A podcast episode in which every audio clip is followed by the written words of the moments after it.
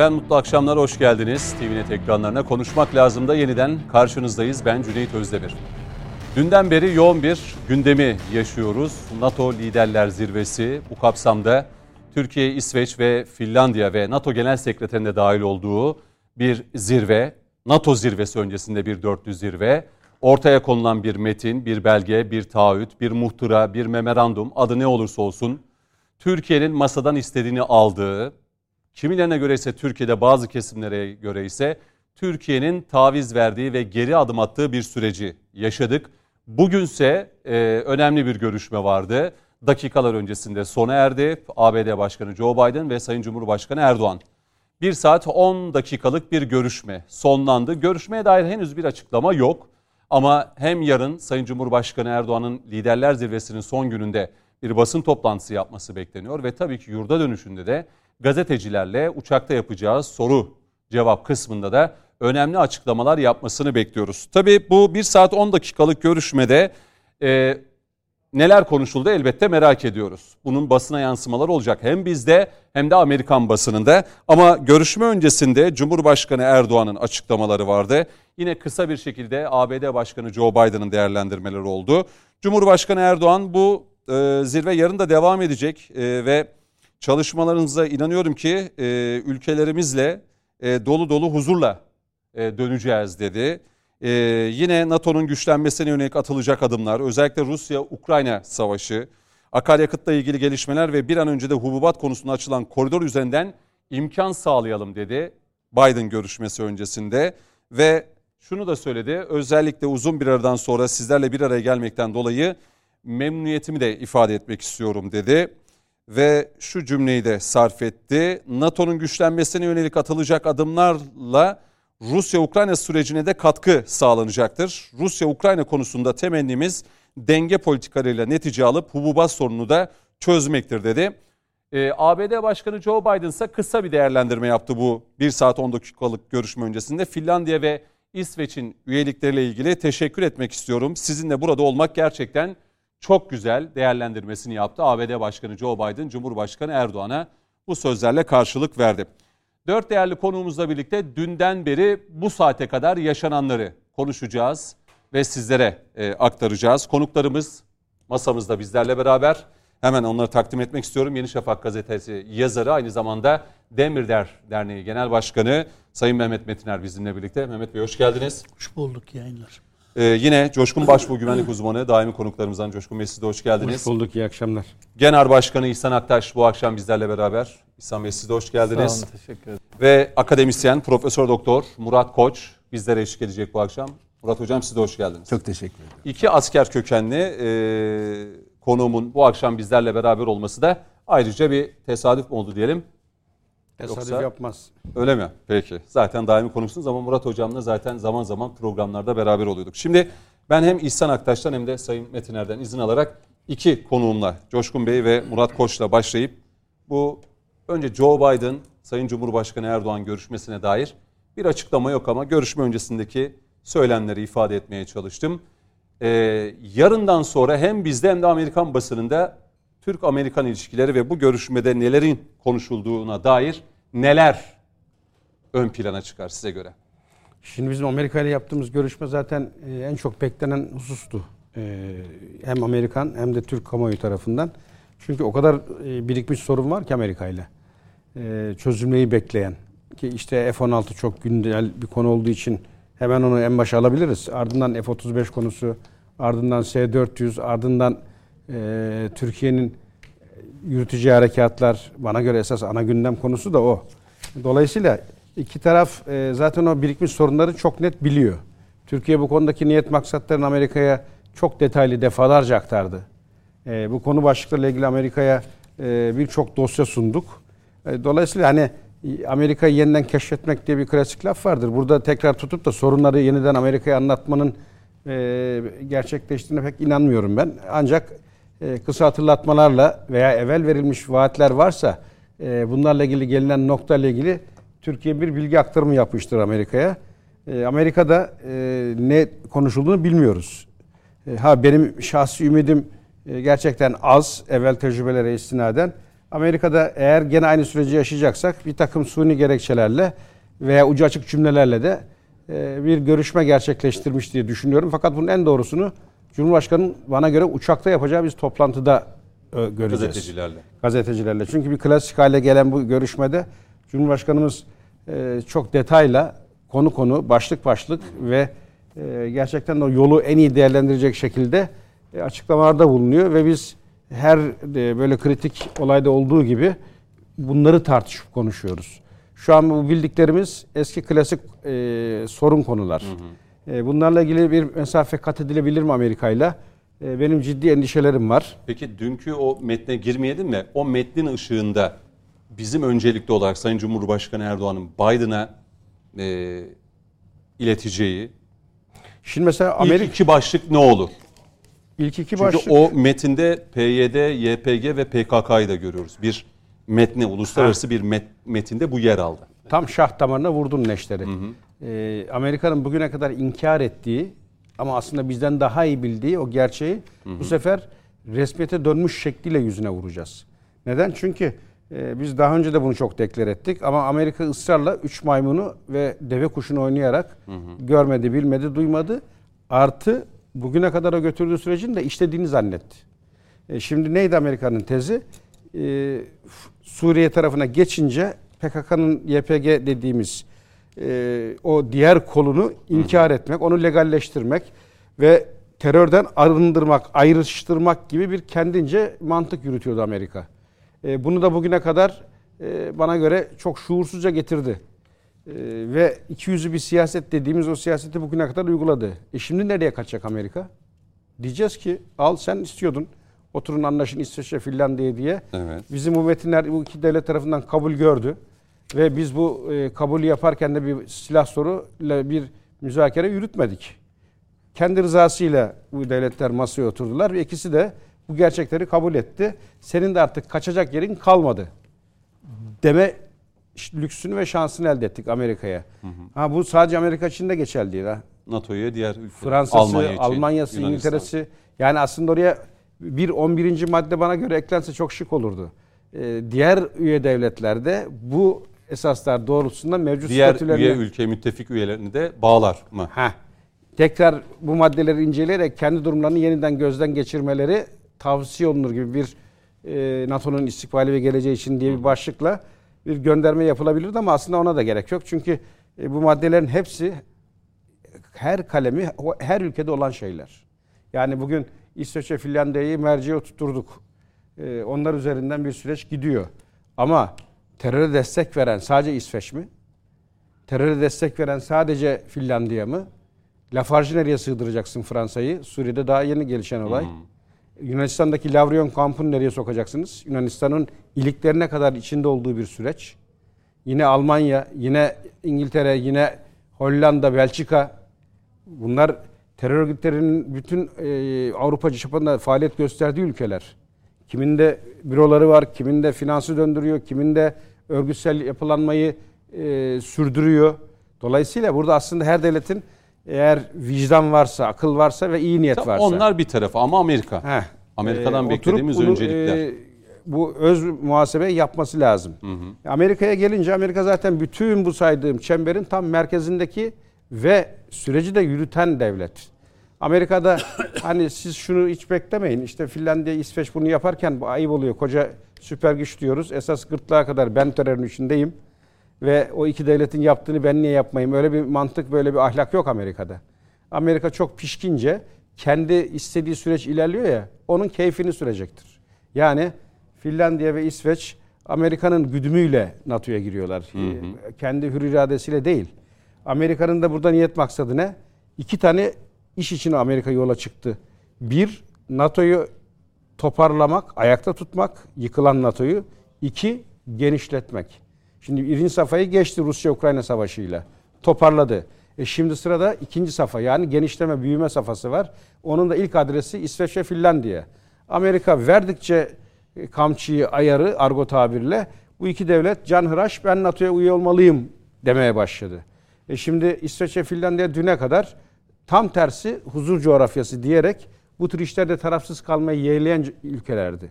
Ne oldu da bir anda e, bu ülkeler böyle canhıraş bağırmaya başladı. Çünkü iyiliklerine kadar girmiş bir dış güdüm var. Özellikle İsveç konusunda. Ve İsveç e, öyle bir hale geldi ki Amerika ile yarışır hale geldi. Teröre verdiği destek anlamında. E, finansı hatırlayalım 340 milyon diye aklımda kalan rakam. Amerika'nın da önüne geçen bir İsveç tablosu var. E şimdi tarafsız şöyle akılla değerlendirelim. İsveç nere, Suriye nere? İsveç'in bir emperyalist politikası olduğunu ben hiç duymadım bugüne kadar. E, hocalarımdan duyan varsa söylesin, öğreneyim. İsveç'in bugüne kadar bir e, Türkiye yönelik hasmane tutumunu hani terör hariç görmedik. Evvel tarihi düşmanlığımız var, eğer tarihi bir takım kinlerimiz var. Bunları biz e, yönünde bir siyaset izliyoruz diyecek bir tarafı yok.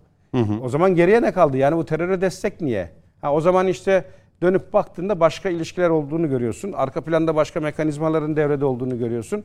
Ve İsveç'in de Yunanistan gibi kullanıldığını tespit ediyorsun. Dolayısıyla e, Amerika şu an için bana göre istediğini aldı. E, hani genel çerçevede Genişletme bakıyorum. adına Evet. Rusya'ya karşı. E, daha da bitmiş değil. Yani İsveç'e Finlandiya ile başlıyor ama e, daha bugün gene dillendirildi. Japonya, e, Güney Kore gibi devletlerin de NATO'da bir takım Avustralya. Avustralya gözlemci davet misafir üye ülkeler e, misafir ülkeler olarak da davet edildiği yönünde bu herhalde önümüzdeki süreçte Amerika'nın vizyonu net gösterir düşünüyorum. Çünkü Amerika burada e, genişlemedeki maksadı Amerika'nın kendi e, siyasetini genişletmesi. Emperyalist mantık işliyor, genişleyerek büyüyor, silah satıyor, ülkeleri domine ediyor, coğrafyalara e, hükmediyor ki Amerika 170 ülkede üssü olan bir e, yani e, kanlı yapı ve sadece Almanya'da 36 tane üssü var. Dolayısıyla e, Amerika'nın için e, baktığında o pencereden baktığında Amerika'nın şu an bana göre şu süreçte en mutlu ülke olması lazım. Ve zaten Biden'ın e, vücut Yani teşekkür etmesi de bu yüzden. Biden sadece kısa ve bir, birkaç cümleyle teşekkür etti. Evet. Ha bunun karşılığında hani o bizim beklediğimiz konularda bir so- e, çözüm, bir e, sonuç gelir mi? Bunu bekleyip göreceğiz ama ben şahsi e, beklentim e, çok ümidim zayıf. 1 saat 10 dakika az bir zaman değil baktığımızda. Çünkü biz yakın zamanda bu tür e, toplantılarda e, çok önem verdik bütün Doğru. medya olarak. Hep şey e, beklentiyi yukarıya beklenti çıkardık. yukarıdaydı. Bu ama da yine öyle bir beklenti vardı ama her diğer seferinde de- toplantılara göre çok da bir şey e, yukarıda bırakmadık bu sefer. Çünkü daha önceki görüşmelerin peşine bir, bir sonuç çıkmayınca bu görüşmede de. Hani Ve- belki bir sürpriz olur acaba Türk Amerika'nın ilişkiler arasında bir yol haritası belirlenmesine dair bir 5-6 maddeden oluşan bir metin ortaya çıkar mı diye konuşuyorduk yayın öncesinde. O da olmadı. E şimdi- Ama bilmiyoruz tabii içeriği bilmiyoruz. İnşallah biz yanılırız o ayrı. Aa, Keşke biz yanılsak da desek ki Amerika ile biz 5 kalem ana sorunu çözdük. E şimdi mesela sorunlardan biri bana göre İsveç'in en büyük sınavı e, suçluların iadesi. E, bu süreçte Amerika'da işte garantör ülke konumunda hani iki tarafı buluşturup işte bir noktaya getirmeye çalışan ülke. E şimdi sen garantör olarak e, masadaysan fiili veya e, bir şekilde manen orada şunu sorgularsın. Ya adamlar suçların iadesi üzerine görüşmeler yapıyor ve İsveç Başbuğ bir virgül koyalım. Bir Madrid'e dönelim. Ee, NATO Liderler Zirvesi kapsamında e, liderler ve hükümet e, başkanları, devlet başkanları e, yemekte, akşam yemeğinde zirve kapsamında bir araya geliyorlar. E, bu kapsamda evet Cumhurbaşkanı Erdoğan değil mi? Hı, Cumhurbaşkanı Erdoğan'ı görüyoruz şu anda. Ekranlara yansıyor. Ee, tabii yarın da e, son gün e, bu NATO Liderler Zirvesi kapsamında e, son gün sırtını dönmüş. itibariyle Evet Alman e, şansölyesi Olaf Scholz'u bu NATO Liderler Zirvesi'ne çok fazla göremedik. E, Cumhurbaşkanı Erdoğan e, ve e, yine e, ABD Başkanı Biden birkaç sefer zirve kapsamında ayaküstü sohbet ettiler, tokalaştılar. Yine Boris Johnson'la şakalaştılar. Aynı zamanda Macron'la yine uzun süren bir görüşmesi oldu. Ve şu anda Madrid'in ev sahipliği yapmış olduğu NATO Liderler Zirvesi'nde e, hükümet başkanları, e, kendilerine verilen bir konser, konser sonrası bir yemek, bir resepsiyon diyelim. Yani e, liderler burada yine ayaküstü sohbetlerine devam ediyorlar. E, Cumhurbaşkanı Erdoğan da e, yine kapsamda Madrid'de temaslarına devam ediyor, programına devam ediyor. Yarın e, tüm e, üye ülkelerin e, başkanları, başbakanları, cumhurbaşkanları e, basın toplantısı düzenleyecekler. E, Cumhurbaşkanı Erdoğan da düzenleyecek ve yarın da e, yurda dönecek Cumhurbaşkanı Erdoğan.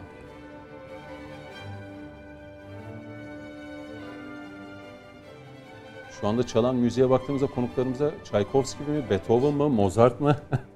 Biraz mü- ses verebilir miyiz? Bana, Ee, bana belki bir sorma. Beethoven gibi geldi bana. Severim klasik müzik. O yüzden hani e, sizlerle beraber konuklarımızla birlikte Hiç sormak istedim. şeyimiz olmadı. İhsan Aktaş. İlgi sahamız. Severim ama Bunu çıkaramadım. Evet.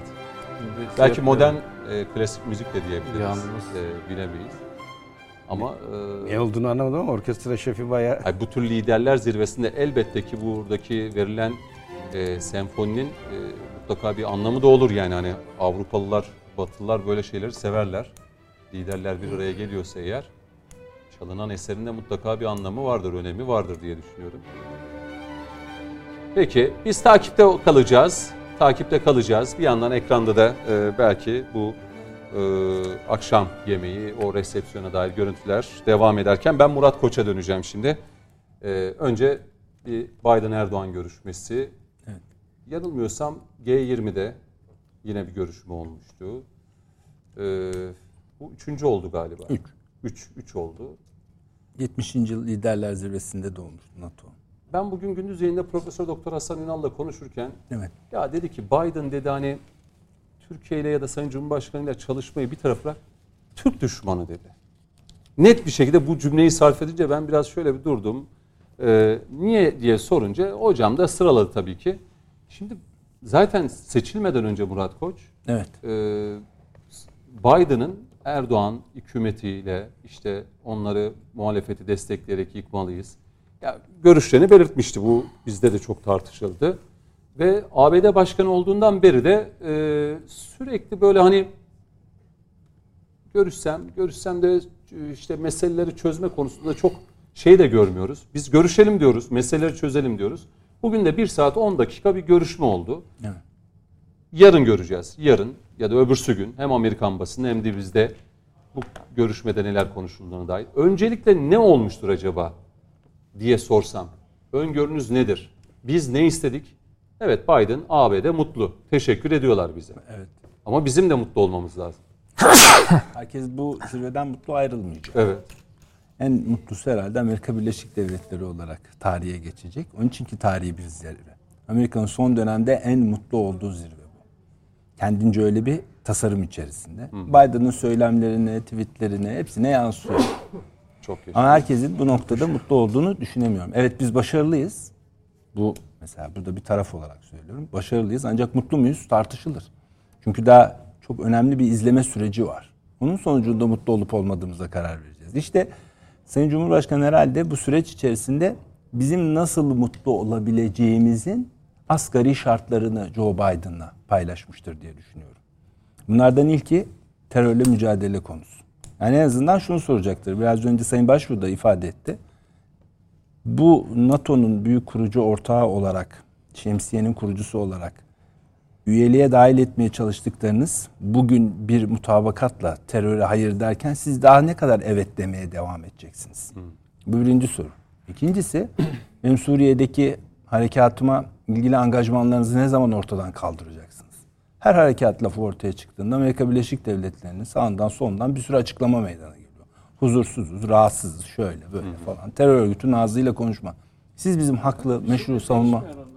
Evet, evet. yapacağımızı yapıyoruz. E, Tam da onu söyleyeceğim. Ama bu noktada biliyorsunuz aşağıda zımni bazı örtüşmeler var. Rusya Amerika arasında bizim de inandığımız ve bu konuda da en azından aynı çizgide durduklarına inandığımız bir yapı var. Bundan daha önemlisi belki bu konuşmada omurgasını teşkil edecek olan konu Yunanistan konusu olacaktır. Çünkü Yunanistan konusu NATO'da derin bir çatlağın, derin bir ayrışmanın da başlangıcını teşkil eden sözde denge politikası çerçevesinde Amerika Birleşik Devletleri'nin Türkiye'nin aleyhine yeni angajmanlara girdiği ve bunun dibinde de zayıf olarak gördüğü Mitsotakis'i dönemsel olarak manipüle etmek suretiyle ulaşmış olduğu bir sonuç. Sayın Cumhurbaşkanı üçüncü olarak da bu zirve. Yunanistan da bir NATO üyesi. Bu zirve kapsamında bu ayrılığın ne kadar devam edeceğini ve bununla da bağlantılı olarak işte savunma sanayi alanındaki taleplerimiz, isteklerimiz vesaire falan konusundaki e, hadiseleri de tek tek sıralayacağını düşünüyorum. Gündem yoğun. Ancak hepsini söyleye, söyleyebile, söylemek arzusunda Özellikle olacağını düşünmüyorum. Yunanistan'ın son dönemdeki bu üslerin kurulması, silahlandırılması. Bugün hatta bir yorum yapıldı işte. Ya önceden Türk-Amerikan e, Yunanistan ilişkilerinde işte Amerika şunu yapardı silah verirken 7 Yunanistan'a 10 Türkiye'ye. Evet, evet. Şimdi diyor 100 Yunanistan'a bize sıfır. Sıfır. Haliyle bu konunun da gündeme geldi. Çünkü hı hı. bundan biliyorsunuz sadece Yunanistan'ın e, kendi bölgesel güvenliği açısından değil. Bu verilen tavizler ve karşılıklı ilişkiler sonucunda Yunanistan terör örgütleriyle olan ilişkisi de hı. bir şekilde Amerika'nın çizmiş olduğu çerçeveyle gündeme geliyor. Yarın öbür gün yine Lavrion kampı, işte Yunanistan içerisindeki çeşitli etkileşimler tekrar gündeme. Yunanistan bu şekilde sadece silah edinimiyle kalmayacak Cüneyt Bey. Onun için ki bu üç konunun öncelikli olarak Hı. gündeme geldiğini düşünüyorum. Ama bundan çok daha önemlisi şu tarzın aslında tarihi olarak bizim açımızdan tarihi olması nedeni de şudur ki bu yaklaşımda bugüne kadar meşrulaştırılmak ve bir şekilde o karışık durumdan istifadeyle siyasi arenaya sokulmak istenen terör örgütleri uluslararası bir metinle uluslararası bir metinle aslında tüm dünya kamuoyuna bunlar terör örgütüdür şeklinde yansıtıldı. Hı hı. Türkiye açısından bu çok önemli bir kazanım. Bugüne kadar olmadı böyle bir şey. Biz bunları kabul ettirememiştik. Tabii NATO şemsiyeti altında ama Murat Hocam. Evet. Finlandiya, İsveç, Türkiye ve Genel Sekreter Stoltenberg. Evet. Bu dördünü mü bağlar yoksa Stoltenberg olduğu müddetçe diğerlerinin Heh, yani Stoltenberg'in orada imzası olduğu sürece evet, Madrid'de bu toplantı alt, adı altında yapıldığı müddetçe hı hı. bu tamamını bağlar. Nasıl bağlar? En azından evet hukuki olarak değil, bir uluslararası metin olarak kayda geçmiştir. Ancak bundan sonra atılacak adımlar noktasından bağlar. Hı hı. Göreceksiniz en büyük şeyler İsveç ve Finlandiya'da PKK terör örgütünden gelmeyecek. Bu gösterileri Fransa'da ve Almanya'da yapacaklar. Onların tavrına bakın şimdi. İsveç bununla ilgili işte çeşitli tedbirler alacak. İşte bazı seslerin çıkmasını engellemeye çalışacak. Seçim öncesinde çok da fazla böyle irite etmeden onları halletmeye çalışacak. Hı hı. Ama en büyük sesler Fransa ve Almanya'dan gelecek. Hı. Çünkü esas örgütün yapılandığı siyasi ve bu mutabakat metnine de e, konu teşkil eden insanların e, efendim örgüte gönderilmesi, para temini, işte çeşitli ilişkilerin geliştirilmesi gibi konuların ana kaynağı Fransa ve Almanya'da cereyan ama şu da var belki hani bu sorunun da cevabını aldıktan sonra Sayın Metin'e döneceğim. Ya Batı'nın, Avrupa'nın ya da müttefiklerimizin iki yüzlü siyasetlerini zaman zaman değil pek çok kez gördük. Evet, evet.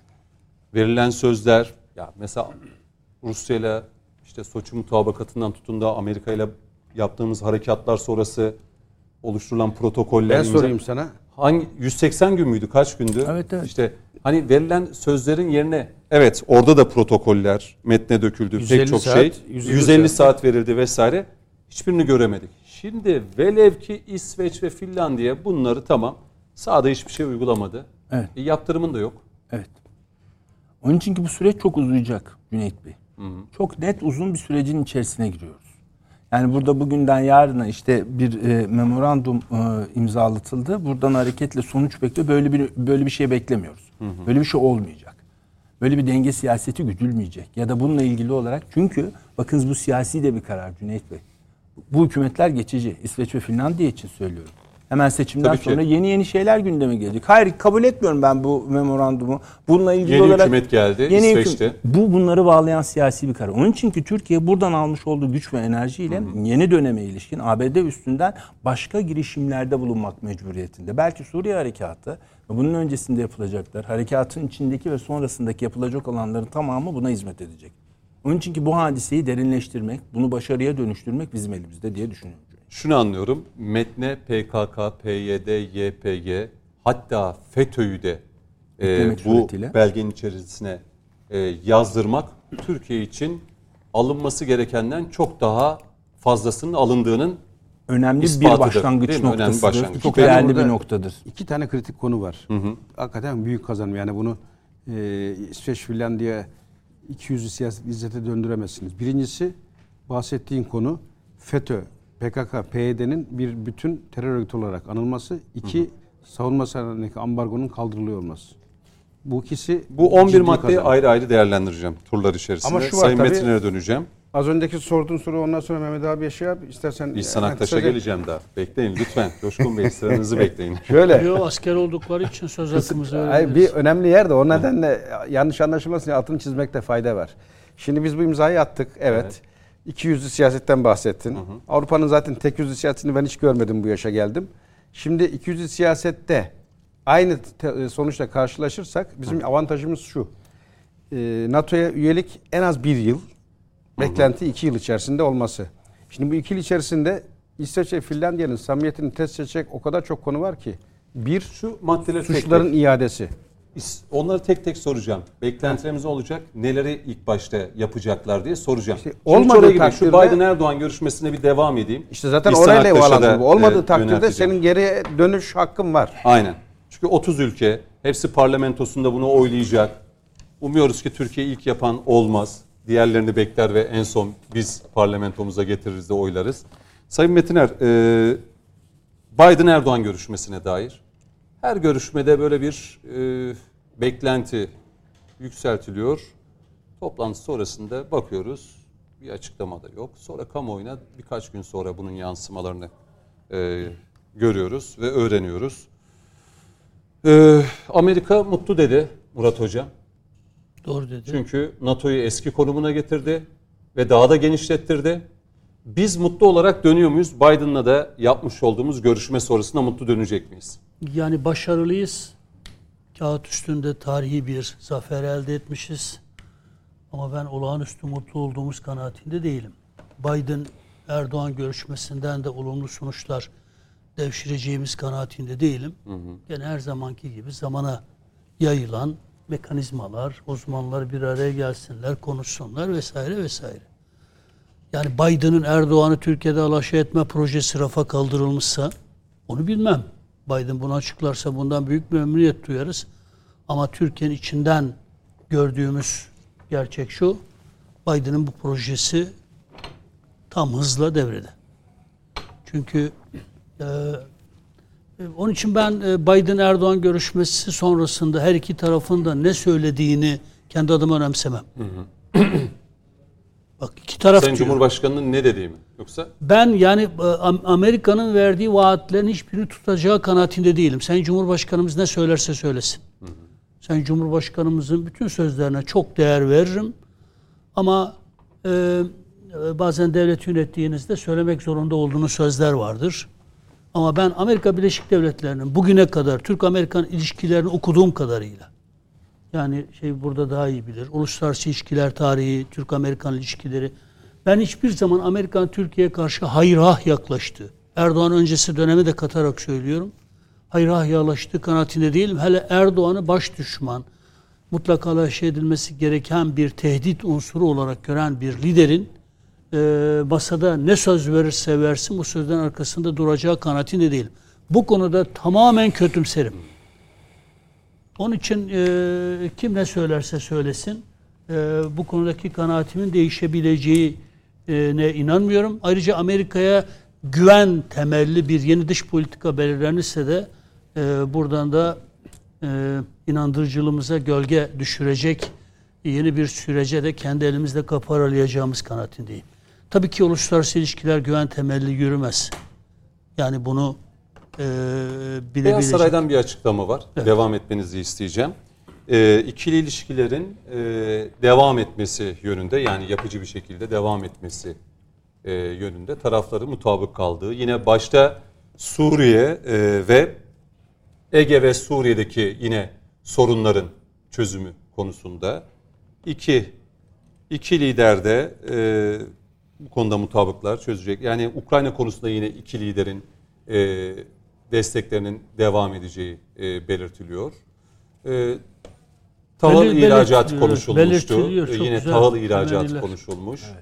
Yani tahıl konusunda Türkiye'nin e, göstermiş olduğu role yine Amerika tarafının teşekkür Evet ettiğini görüyoruz. Yani muallak sözler Beyaz Saray'dan. kardeşim, Mutabıkız, Amerika. işte iyi ilişkiler. e, Amerika hiçbir zaman Türkiye kendi eşiti olarak görmez kardeşim. Hiçbir zaman Türkiye'yi kendi eşiti olarak görmez. Ve Erdoğan liderliğindeki Türkiye'yi de asla istemez. Erdoğan'ı hiçbir şekilde istemez. Bunu ben bir gazeteci, bir yazar, eski bir siyasetçi olarak yani eski bir milletvekili olarak da yani AK Parti milletvekili olarak konuştuğumuzda sözlerimiz 1500 yere çekiliyor. Düz bir vatandaş olarak söylüyorum. Destek verdiğim parti Amerika'nın vaatlerine güvenerek yine dış politika inşa ederse çamura saplanır kardeşim. Bu kadar da çok net söyleyeyim. Çok net söyleyeyim. NATO içerisinde risk alarak işte Rusya'yı da belki rahatsız edecek e, bir şeye girmemek gerektiğine de ayrıca inanıyorum.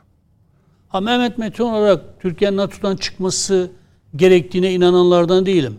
Türkiye için çok ciddi bir tehdit oluşturur bu. Ama NATO'nun bu kadar çok genişlemesini sadece Amerikan çıkarlarına uygun bir yeni e, hegemonik e, şey olarak görüyorum. Dönem olarak, emperyal bir dönem olarak görüyorum. Amerika e, bu açıdan bütün bir dünyayı yutmaya çalışıyor. Siyasetiyle, askeri gücüyle. Coşkun kardeşim de zaten söyledi. Bir anda silahlarını satıyor, bir anda savaş çıkartıyor. Bir anda Rusya tehdidi, Çin tehdidi üzerinden bütün bir Avrupa'yı, bütün bir dünyayı e, domine etmeye çalışıyor kendi çıkarları doğrultusunda. Ben bu Amerika ile yol yürünebileceği kanaatinde değilim. Bu şu anlama gelmiyor. Amerika'yı hasım ilan edelim, Amerika ile savaşalım. E, bu, bu kadar da real politikten uzak düşünecek e, insanlar değiliz. Ben Amerika'nın inandırıcılığını şurada ararım. FETÖ'yü teslim etmekten bahsetmiyorum. Finlandiya ve İsveç'in terörist kabul ettiği örgütleri terörist kabul etmediğine bakarım. Terör örgütlerini ne verdiği silahları tekrar geri alıp almadığına bakarım. Ve de Suriye'nin kuzeyine Türkiye'nin yapacağı harekata vereceği tepkiye bakarım. Ötesinin hiçbir anlamı yoktur kardeşim. Efendim oturalım, konuşalım. Efendim, Ege ve Suriye'de istikrarın önemi vurgulanıyor. Nasıl? İstikrar yani istikrarsızlığın ortadan kalkması için. Kaçıncı defa istikrar. vurgulanıyor? ABD Beyaz Saray o Nasıl bir istikrar yapıyor. olacak Suriye'de? İşte yani. Çekilsin Türk- Türkiye orada. ve Amerika bu istikrarı sağlayacak. Nasıl? Nasıl sağlayacak? Terör yani şimdi Türkiye teşekkür ediyor. Finlandiya ve İsveç'le yapmış olduğu bu metinden değil mi? Peki bu metne aynen katılıyorsa Amerika Birleşik Devletleri adı geçen örgütleri kendisi niye terör örgütü olarak kabul etmiyor? Mesela YPG'yi, PYD'yi terör örgütü olarak kabul ediyor mu Amerika?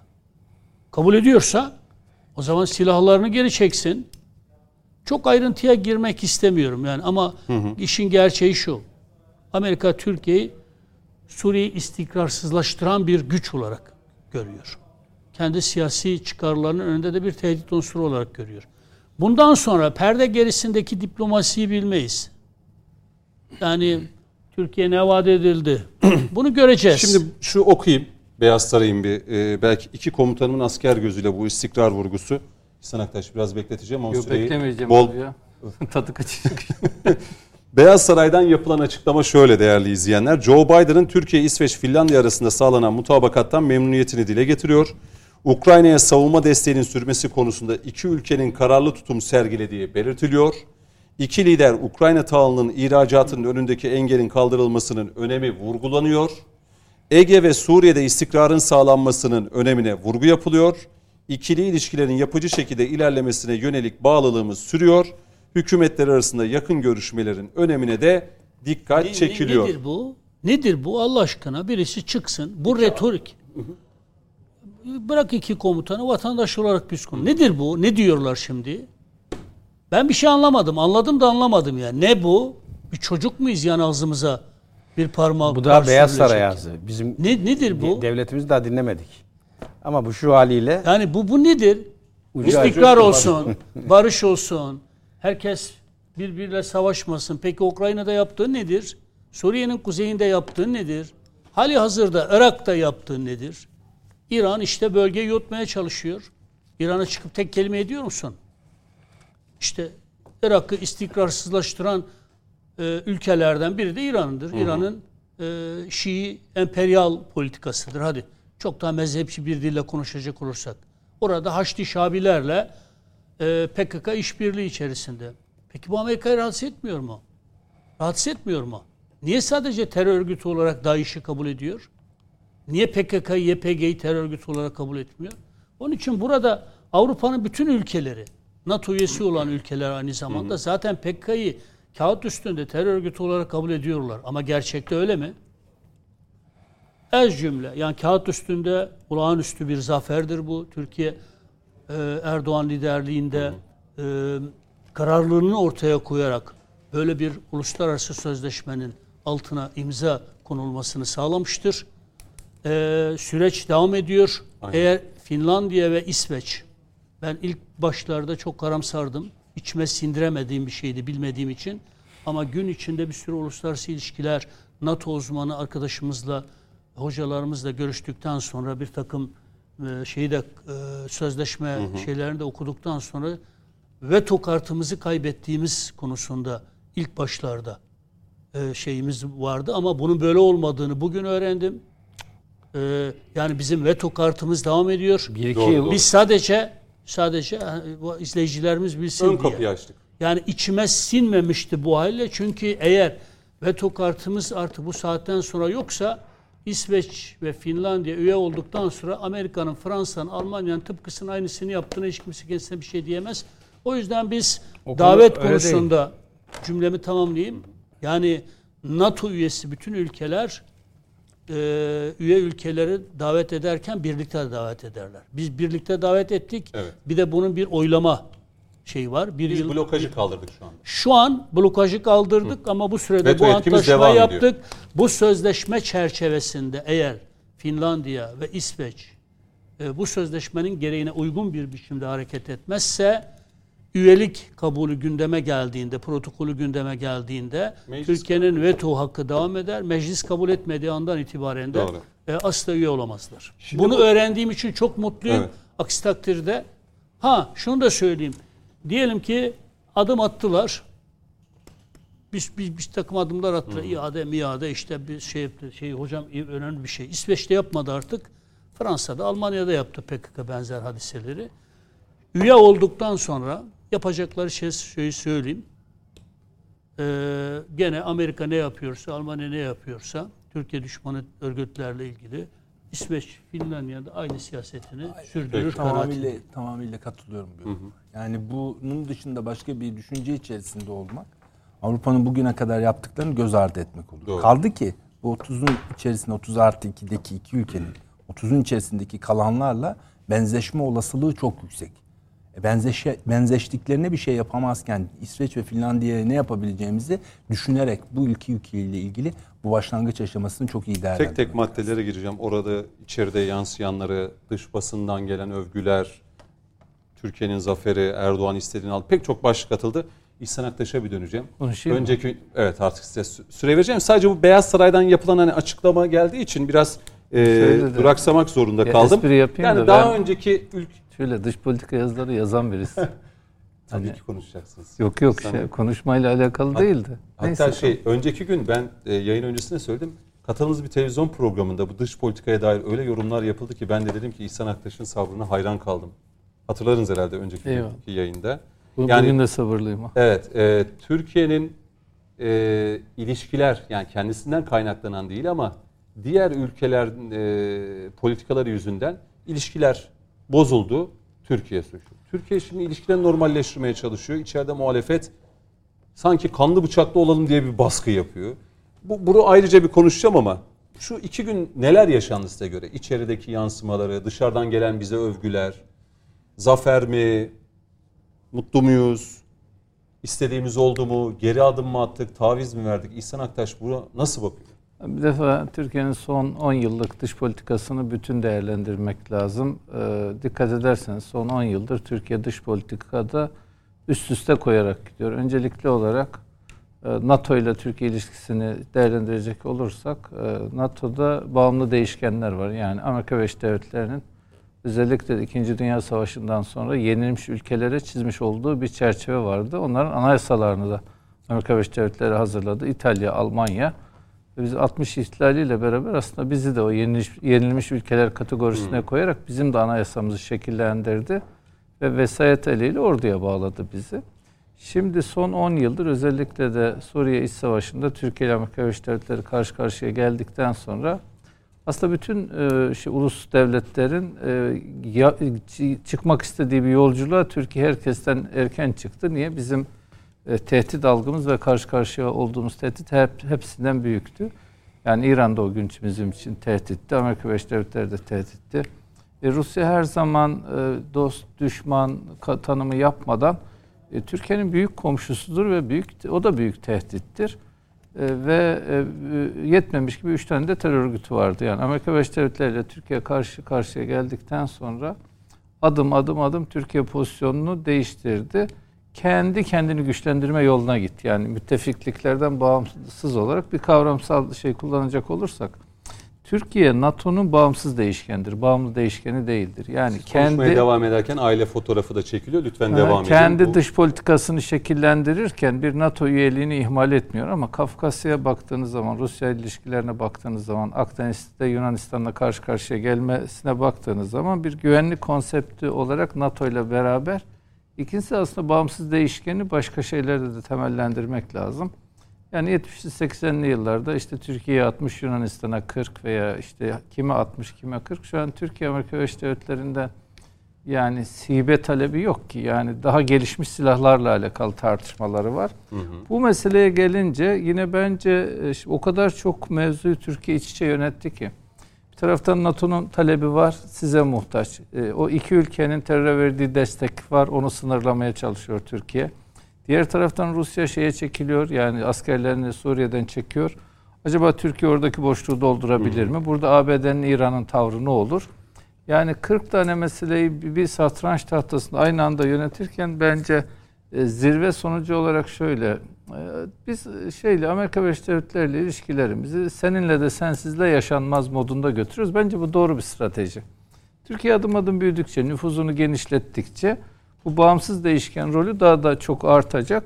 Burada e, kıymetli bir şey oldu bence. Bu özellikle PYD'nin, e, YPG'nin ve FETÖ'nün bir terör örgütü olarak listelerde yer alması şöyledir. Siz bir şey yakalarsınız, manivelayı bir yere dayarsınız, daha sonra onu genişletirsiniz. Bundan sonra bu işin bu ülkelerde uy- uygula- uygulama etkisi, bazı terör örgütlerinin mensuplarının Türkiye iadesi gibi konular bundan sonra artık diplomatik mevzu olarak gelecek. Bir de e, bu baskıyı mesela dikkat edin biz e, NATO'dan İsveç ve Finlandiya mevzusunu konuşurken İngiltere'den silah ambargosu mevzusuyla alakalı bir adım attırdık. İsveç yine aynı adımı atacak.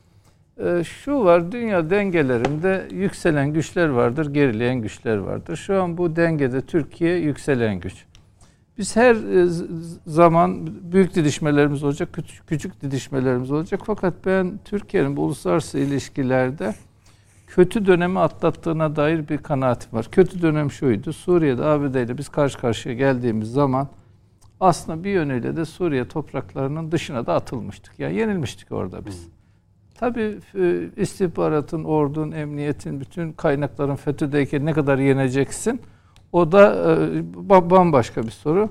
Fakat devamında askeri harekatlar, Akdeniz'e donanmanın indirilmesi, e, Libya'ya danışman veya asker çıkarılması yani harekat gibi değil ama danışman verip oranın istikrarının sağlanması, orada münhasır şey deniz yetki anlaşmalarının yapılması ve Karabağ Savaşı ile beraber bir şey ortaya çıktı. Bir, bu ordu Türkiye'nin elinde oldukça, Tayyip Erdoğan lider oldukça yenilmez. Bizim çok enteresandır. Avrupa Birliği ilişkilerimiz kökten bozulamıyor. Çünkü çok e- ekonomik iç içe Çok geçmişiz. girift bir haldeyiz. Ya Türkiye için Amerika mı önemlidir, Avrupa Birliği mi önemlidir? Avrupa Birliği 10 kat daha önemlidir Türkiye için. en, en büyük ekonomik partner. Ekonomik partilerimiz yakınımız, teknoloji alışverişimiz çok yüksek. ABD ile yeteri kadar şeyimiz yoktur. Bir de dünyada ABD ile yakın olmak ya da uzak olmak eski, eskisi kadar kazandırıp ya da kay- kaybettirmiyor. Yani Suriye Savaşı öncesinde ABD dediği zaman dünyanın jandarması bir emriyle bir ülkeyi yok eden, kafası bozulduğu zaman yerle yeksan eden Bence e, Suriye iç savaşından sonra Rusya'nın Akdeniz'e inmesi, o ABD'nin korkak geçirdiği yıllar bu bir fotoğraftır. ABD'nin nüfuzunu kırmıştır. Ve e, ben bundan sonra şöyle düşünüyorum. Türkiye bir, bir yöntem belirledi. Aslında Osmanlı'da da Eklemenizi böyle. isteyeceğim lafınızı bölüyorum. Yani mesela Biden tarafından, ABD tarafından baktığımızda NATO'nun yeniden eski e, konumuna gelmesi Amerika için önemli. E, NATO'nun genişlemesi Rusya tehdidi karşısında yine ABD açısından önemli. Ama bizim açımızdan da NATO ve üye ülkeler de şu e, dünyanın haline baktığımızda NATO için Türkiye'nin ayrılmaz bir parça olduğu da görüldü mü? Türkiye şöyle düşünün. Üye ülkeler içerisinde şimdi Kafkasya'da Türk de, Türk Devletleri Birliği kuruldu ve bu kurulurken aslında Amerika Birleşik Devletleri de Rusya'da e, bil- bilinçli ya da bilinçsiz Türkiye'nin orada varlık sahibi olmasını istiyorlar ki Çin kaptırmış geliyor yani. Çin'in önünde nüfuz ve nüfuz olarak duracak devletler yoktur ancak Türkiye dayanışmasıyla orada Çin'e karşı bir direnç oluşturulabilir, bir hat oluşturulabilir. E, Rusya da o tehdidin tehditle karşı karşıya Çin tehdidiyle Rusya'nın da nüfuzu nüfusu yoktur. Şimdi dışarıdan baktığımız zaman ya komünistlikten ya kapitalizmden falan millet zannediyor ki işte Rusya komünist devlet, Çin komünist devlet. Bunların ikisi ikiz kardeş gibi. Ya Türkiye ile Azerbaycan gibi değiller. Aralarında bir sürü toprak sorunları var, bir sürü nüfuz alanları var. Ve Çin ABD için ne kadar tehditse Rusya için de aynı şekilde tehdit. O tehdit algısı benzerdir, farklı değil. Hatta Rusya için daha yakın tehdit. Yani doğrudan sınırında. Dolayısıyla Kafkasya'ya baktığımız zaman Türkiye'nin nüfuz alanı. Bugün Ukrayna'ya baktığımız zaman Ukrayna üç devletin nüfuz alanı. Avrupa Birliği'nin, Avrupa'nın, Rusya'nın ve Türkiye'nin ayrıca nüfuzu. Afrika'ya gittiğiniz zaman Fransa ile çatıştığımız onlarca bölge var. E Orta Doğu'ya geldiğiniz zaman neredeyse bazı alanlarda İngilizlerle nöbet değişimi yapıyoruz. Dolayısıyla bu haliyle bile hani kabuk haliyle bile NATO içerisinde Türkiye'nin varlığı çok kıymetli. Ha diğer taraftan da şunu da ne yapıyor? Bir NATO ülkesi, NATO üyesi ve ülkesi olarak e, Putin'le de görüşürken çok da Amerika Birleşik Devletleri'ne danışmıyor. Bence bu pozisyon çok kıymetlidir. Şimdi Yani tehdit anlamında şu cümleyi sarf edeyim belki siz açın. Ee, Coşkun Başbuğ ve e, Murat Hayır, Saray'ın söyledikleri. yaptığı açıklama konusunda Açıklama konusunda bir değerlendirme Nedir yani yapayım. burada ne var? Ya bence yani burada bir şey yok. mutlu olmamızı gerekli Yok. kılacak ne Bence var? şöyle bir de ABD ile oturduk diye mutlu olmamıza da gerek yok. Ben öyle düşünüyorum. Ya Amerika Birleşik Devletleri Avrupa Birliği ile yapılan görüşme, Rusya ile yapılan görüşmeler gibi bir görüşmedir. Ya ne iktidarı ne de muha- muhalefeti abad edecek bir Amerika Birleşik Devletleri yoktur. Şunu da bilmemiz lazım. Amerika Birleşik Devletleri 25 yıl önceki Amerika Birleşik Devletleri değil. Dünyada büyük devletler görece zayıfladı. Küçük devletler de küçük değil. Bizim ölçekte devletler de görece güçlendi. Artık sabah kalkan bir devlet öteki devlete operasyon yapamıyor. Şimdi Venezuela ile Türkiye ölçülmeyecek, ölçek olarak ele alınmayacak bir devlettir. Fakat o işte o devasa Amerika Birleşik Devletleri ve Venezuela'da bir Maduro'nun iktidar değişimine güç yetiremedi ve şu an adamla e, şey Rusya'dan dolayı barış masasında oturmak zorunda kaldı. Bence metinde bir şey yoktur, içi boş gözüküyor. Yani bunda e, tamam şöyledir. Amerika Birleşik Devletleri'deki ilişkileri de Sayın Cumhurbaşkanımız şu an böyle bir satranç oyuncusu gibi yönetiyor dış politikayı. İlişkilerimiz iyi olsa iyi olur. Yani sofistike silahlar alırız, sofistike teknolojiler alırız. Ama bu 70'lerin Türkiye'sindeki Amerika'ya olan muhtaçlığımız bugün yoktur. E, Biz zaman zaman e, barış halinde, zaman zaman çatışma halinde yaşamaya devam edebiliriz. Muhtemeldir ki bundan sonra standart bir barışıklık ve standart bir savaş hali olmayacak. Bu hafta bu devlet iyi olacağız, öbür hafta onunla iyi olacağız. Ama ben bir 10 yıllık trende baktığımız zaman biz ilişkileri e, kaliteli, daha yukarıya çekerek ve daha güçlenerek götürüyoruz diye düşünüyorum. Peki. Ben yani e, Cumhurbaşkanımızla Biden ilk görüşmesinde atfedilen öneme bakın, bugüne bakın. Bir şey daha söyleyeyim ya muhalefette çok fazla bir üm- ümitlemesin Amerika Birleşik Devletleri'nden. Biden'a. Hani şeye e, himmete muhtaç de nerede gayri himmete de diyebiliriz yani. E, öyle güçlü Amerika her şeyi çekip çeviren işte o kainatı da idare eden Amerika Birleşik Devletleri diye bir şey yoktur yani onu da söylemiş Peki. olayım. Cüneyt Bey ben bir şey söylemek istiyorum. Tabii. Şimdi bu son açıklamadan hareketle bunu şöyle okuyalım. Mehmet Bey Beyaz katılın. Saray'dan gelen açıklamayla. Evet. Yani bu böyle bir müttefiklerini konsolide etmek için törensel söylemleri var. Aynen. Amerika Birleşik Devletleri'nin. Bunda böyle bir arkasında şey var.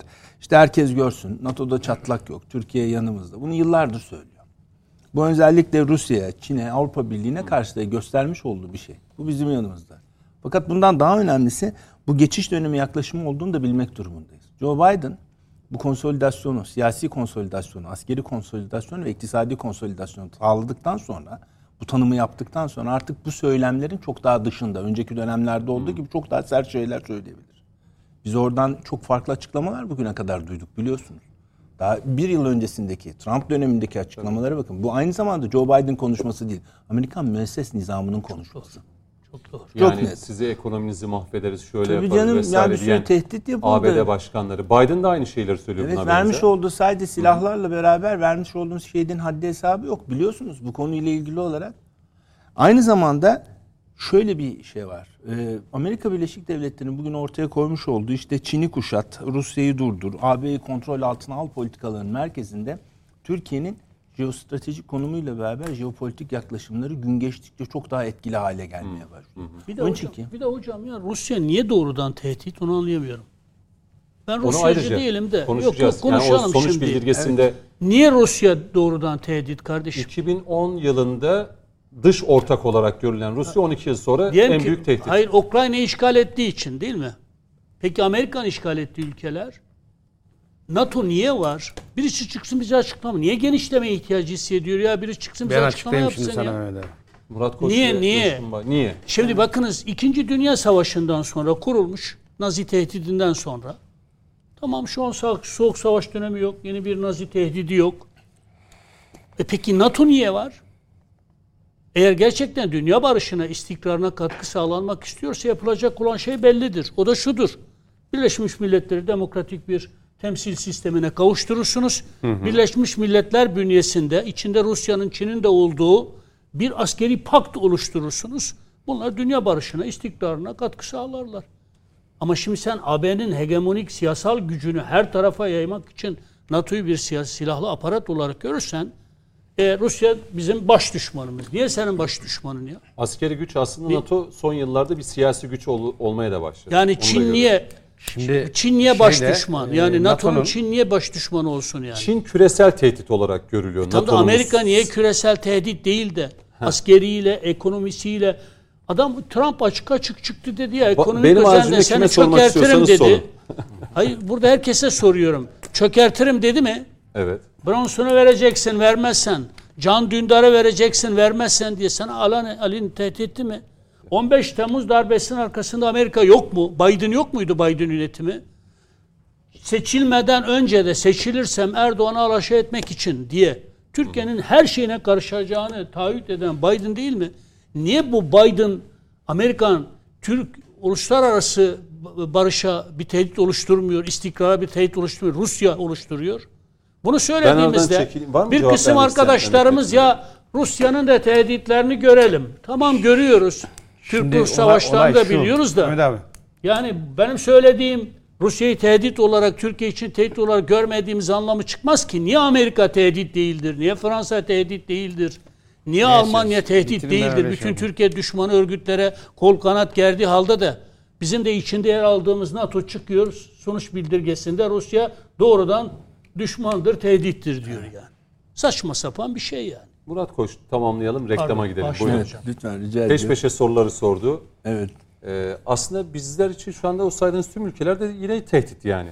Çünkü çıkarlar çakıştığı anda ne oluyor? Tehdit ortaya Ya çıkıyor. Türkiye'den Türkiye'ye gelen bütün tehditler NATO üyesi ülkelerden geliyor kardeşim. Bu nasıl bir güvenlik paktıdır ya? Evet Murat hocam. Ben birazcık Nasıl? daha derinleştireyim aslında. Hani Kaç dakikamız var bu arada sevgili yönetmenim? O bir dakika. bir dakika. Bir dakika da olmaz. Reklama gidelim bence. Tamam. Dönüşü Peki. e, bu soruların cevaplarını da önce sizden sonra e, Coşkun Başbuğ'dan Ben giremiyorum alacağım. araya zaten. Efendim kısa bir ara diyelim. Efendim devam ediyoruz. Konuşmak lazımın ikinci bölümündeyiz. Mehmet Metiner, Coşkun Başbuğ, İhsan Aktaş ve Profesör Doktor Murat Koç bizlerle beraber. Şimdi ilk bölümde tabii ağırlıklı olarak e, Madrid'de gerçekleşen Erdoğan-Biden görüşmesine ve onun etrafında yansımalarını konuştuk. Beyaz Saray'dan bir açıklama var. Bizden de yarın elbette bir açıklama olacaktır. Hem İletişim Başkanlığından hem Sayın Cumhurbaşkanı'nın uçakta dönüşü gazetecilere yapacağı açıklamadan bu görüşmede neler konuşulduğu da bizatihi Cumhurbaşkanı Erdoğan tarafından dile getirilecektir. İlk bölümde e, Murat Koç size döneceğim. Belki hani konuşurken bu NATO Genel Sekreterinin de katıldığı dörtlü zirveyle alakalı diğer üç e, ülkenin yani bizle beraber İsveç ve Finlandiya'nın attığı imzalar hani e, bundan sonra hükümetler de değişse işte bağlar mı bağlamaz mı diyorduk ama e, bir hukukçu e, avukat Ebu Bekir Elmalı da bizi izlediği için e, Twitter'da attığı mesajı gördüm. Tabii siyasi iktidarlar gitse de başka hükümetler de gelse hepsini bağlar bu herhalde. Bu, bu metin böyle bir metindir diye düşünüyorum ben. Uluslararası anlaşmalar öyledir. Bu metin de Metin buna girmiyor mu? bakidir. İktidarlar değişir ama o devleti bağlar. Yani İsveç'te hükümet değişse diyelim ki hani orada bir İranlı bir PKK'lı e, bir milletvekili var. Parlamentonun kabul ettiği bir şey tekrar parlamento kararıyla değiştirilebilir. Onun Onu dışında- anladım, onu anladım. Bu metne imza atan şu anki Finlandiya Dışişleri Bakanı var, İsveç Dışişleri Bakanı var, biz İktidar varız. değişse de o Stoltenberg var. Bu metin orada hükümetler değişse de ki anayasalarını değiştirecekler biliyorsunuz. Yasal süreçleri orada e, devreye sokacak bu iki ülke Türkiye'nin Öyle istekleri diyorlar. doğrultusunda. E, herhalde böyle bir şey olmaz. Söz konusu olmaz. Hukukçu olarak cevap vereyim. Buyurun. Ya bir- de bizim hukukçu yönümüz var. Ondan hareketle cevap vereyim. Sayın Metinler işaret etti. Yasama Meclisi'nde kayıt altına alınmamış hiçbir metin, hiçbir metin devletin ilgili organlarını bağlamaz. Çok Çok, net. Bugün siyasi iktidarlar mutlaka mevcut konularıyla ilgili çeşitli girişimlerde bulunurlar ve yapar. Yasama Meclisi'nde kayıt altına alınmış mı? Bir NATO anlaşması değil ki bu. Evet. Netice itibariyle bir memorandum. arasında. Adı da memorandum. Memorandum. Biliyorsunuz kaç gündür adını koymaya çalışıyoruz. Memorandum mu, muhtıra mı, işte e, Mutabakat mutabakat, metni mi? Niye? Zorlanılıyor çünkü. Onun için ki öyle bağlayıcı vesaire falan hükmünden yola çıkarak bir hüküm kurmaya... Nedir tam karşılığı peki bu imzalanan metnin? Bu aslında bir mutabakat metni. Tabii ki mutabakat metni. Üstünde, üstünde Türkiye'nin adeta, onu adeta diyerek söylüyorum, vermiş olduğu bir muhtıra karşısında mutabakata varmak zorunda kaldılar. Yoksa kimsenin mutabakat falan göstereceği yoktu burada. Aman işte Türkiye şöyleymiş, terörle mücadeleye katkı sunalım vesaire. Bizim 40 yıllık mücadelemiz bu.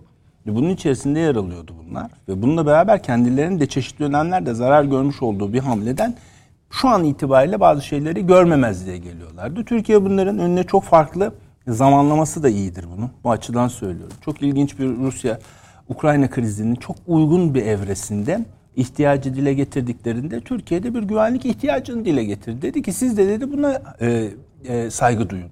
Riayet edin ve benimle beraber dünyanın tüm geleceğiyle ilgili barışı tehdit eden bu konuda bize yardımcı olun dedi. Olmazsanız o zaman bu güvenlik çatısı içi altında yeriniz yok dedi. Çok net gelinen durumda.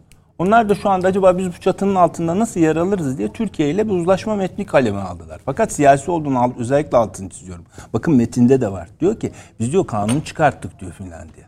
Kanun çıkarttık bununla ilgili diyor. Daha diyor hassasız artık. Daha diyor, gerekeni yapacağız diyor. Ve siyasi bir metinden bahsediyor. Finlandiya daha esnek o konuda. Tabii ki. İsveç biraz daha. Tabii ki. Dedim ya hükümet İsveç'te hükümet bir e, milletvekilinin şeyine bağlı yani orada bir Evet. hükümet düştü düşecek. Bu İranlı bir YPG ve PKK'ya da destek veren bir milletvekilinden bahsediyoruz. İsveç parlamentosunda. Aynen Şu an ne feryat figan ediliyor biliyor musunuz İsveç kamuoyunda? Ee, orada PKK sempatizanları şu an İsveç hükümetine bayrak açmış durumdalar. Bu o, dediğimiz nokta özellikle bakın e, Eylül ayında bir seçimleri olacak. O seçime giden süreç içerisinde hepimiz bu etkileri çok fazlaca göreceğiz.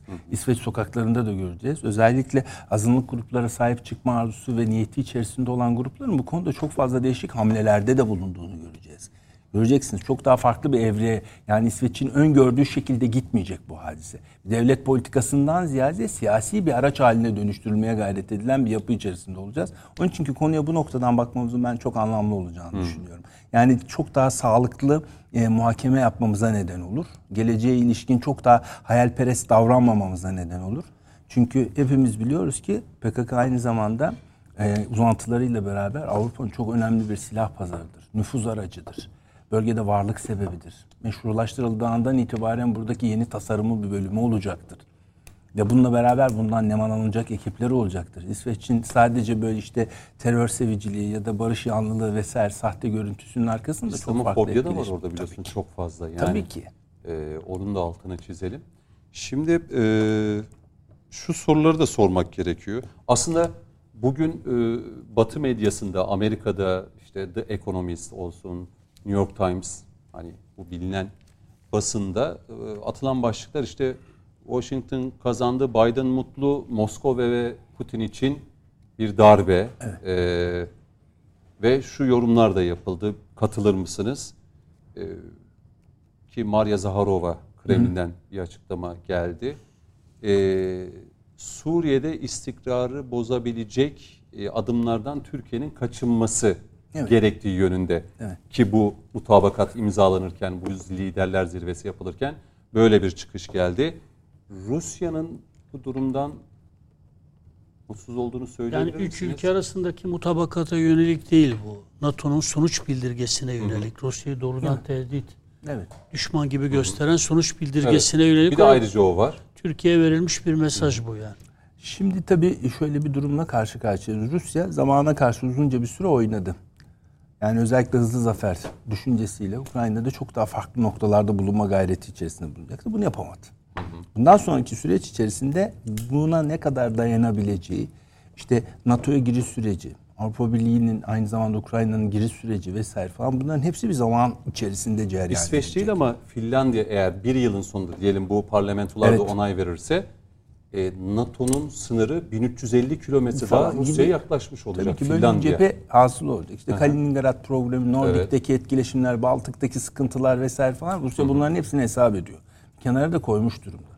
Bu süreç içerisinde Türkiye'nin çok böyle asimetrik bir Ayrı gidecek bu ilişki yani bizim ya. Türk-Rus ilişkileri. Tabii ki. Ama Türkiye'nin bu süreç içerisinde asimetrik hareket etmeyeceğine dair de çeşitli yaklaşımları var. Bunu biliyorsunuz bizim Suriye Harekatı'nın ilk günlerinde yaptığı bazı açıklamalar da ortaya koymuştu. Türkiye'nin haklı güvenlik gerekçeleri diyordu.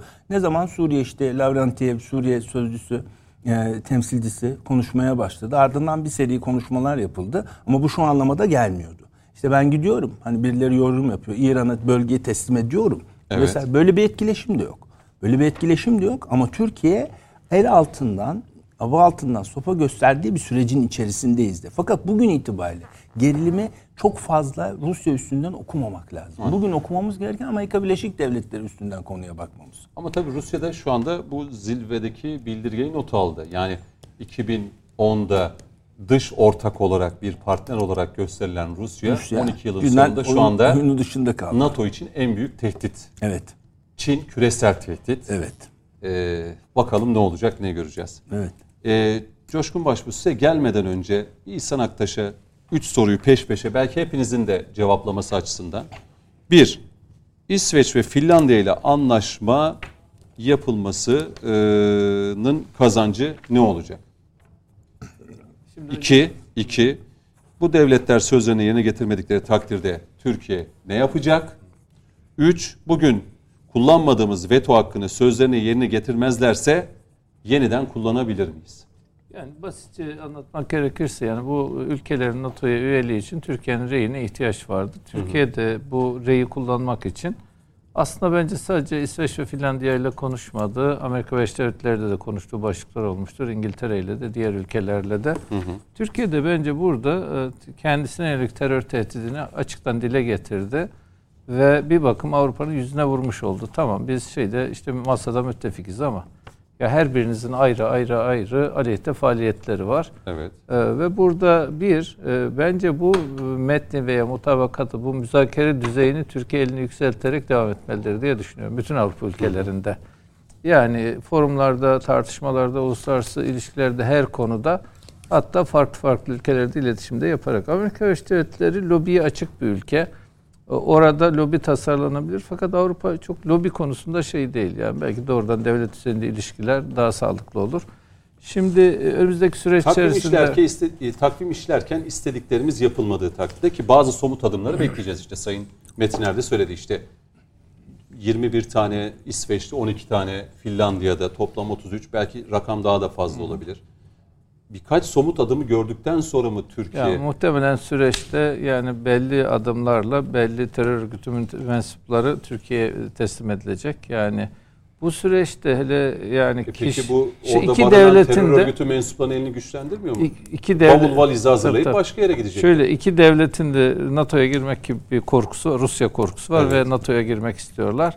Şimdi devletler arası ilişkilerde işte senin dediğin yüzde yüz, benim dediğim yüzde yüz bir şey yoktur.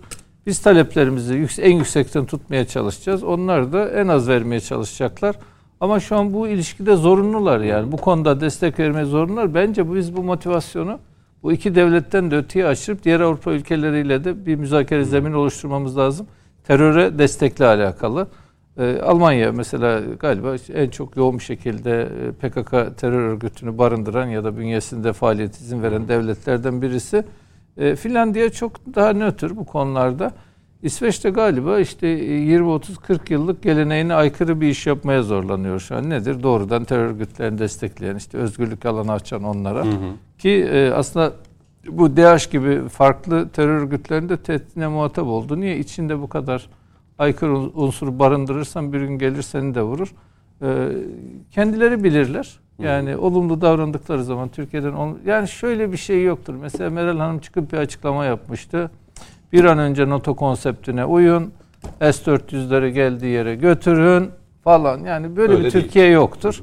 En ince detaydan e, fa- fayda bulmaya çalışan, en, en ince detaydan diplomatik sonuç almaya çalışan bir Türkiye var.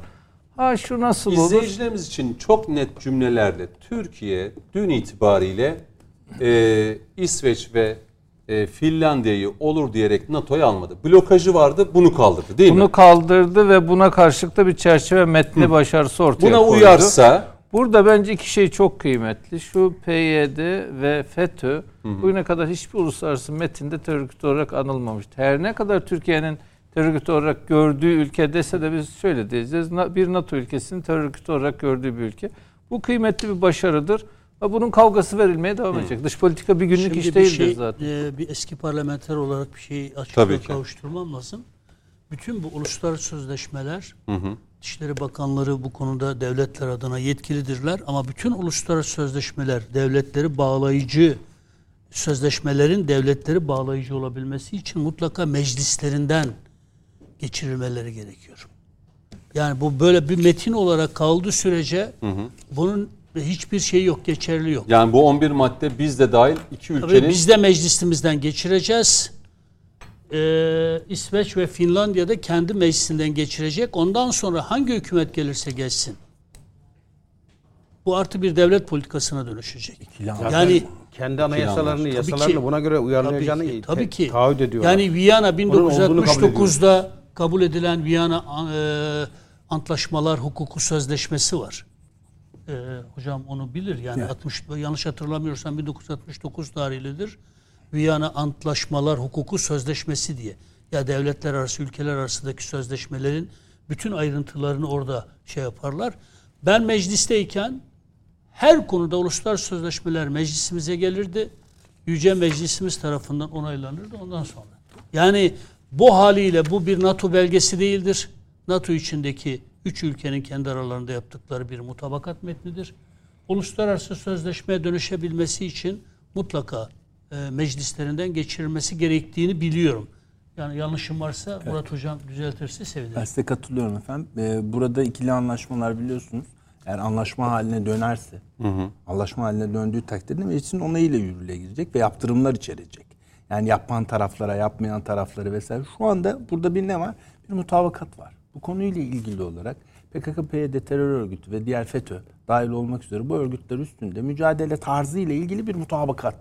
Ve bununla ilgili olarak da çok taraflı bir, pek çok maddesi var. Onları belki konuşacağız Cüneyt Bey. Pek çok o maddenin içerisinde Türkiye'nin acı çektiği, yaralandığı ve aynı zamanda bu konuyla ilgili olarak zaman içerisinde bazı noktalarda da sıkıştığı konuların önü açılıyor.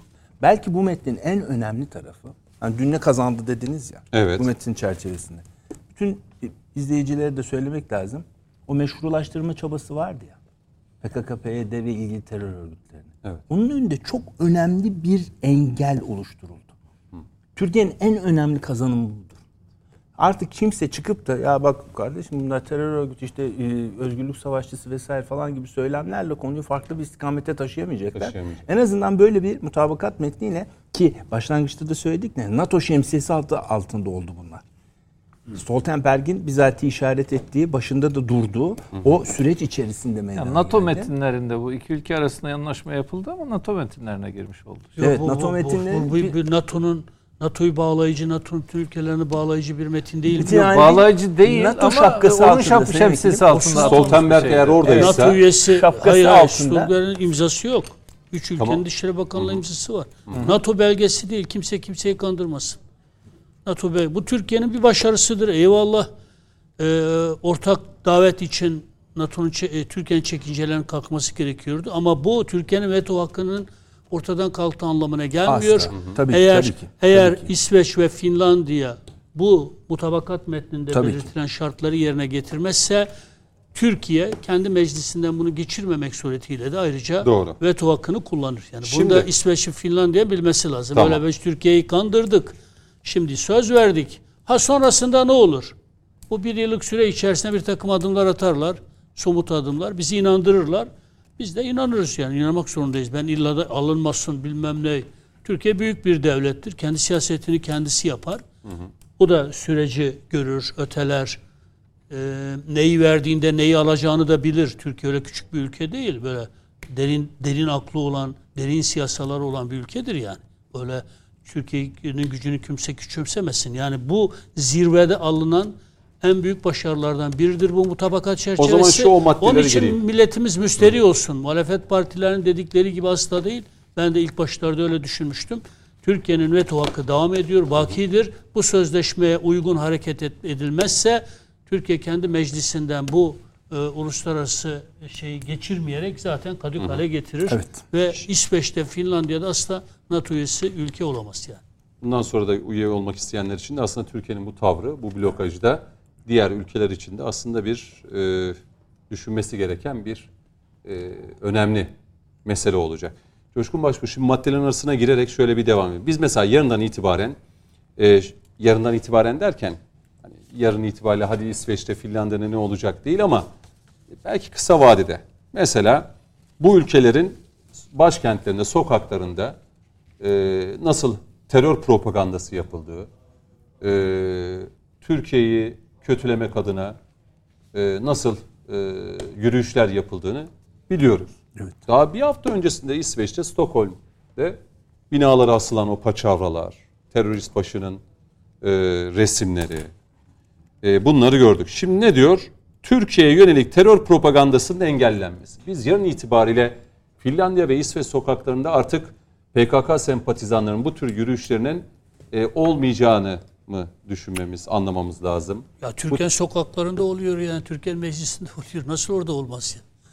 Ya ama burada Yani hükümetin göstereceği tepkiye tamam bağlı. şimdi o. sonra Türkiye'ye yönelik terör Yoksa- propagandasının engellenmesi. Değil mi ya? Türkiye'de oluyor. ya. İki, terör suçlarının iadesi konusunda somut adımlar atılması ve ikili düzeyde ahdi düzenlemeler yapılması.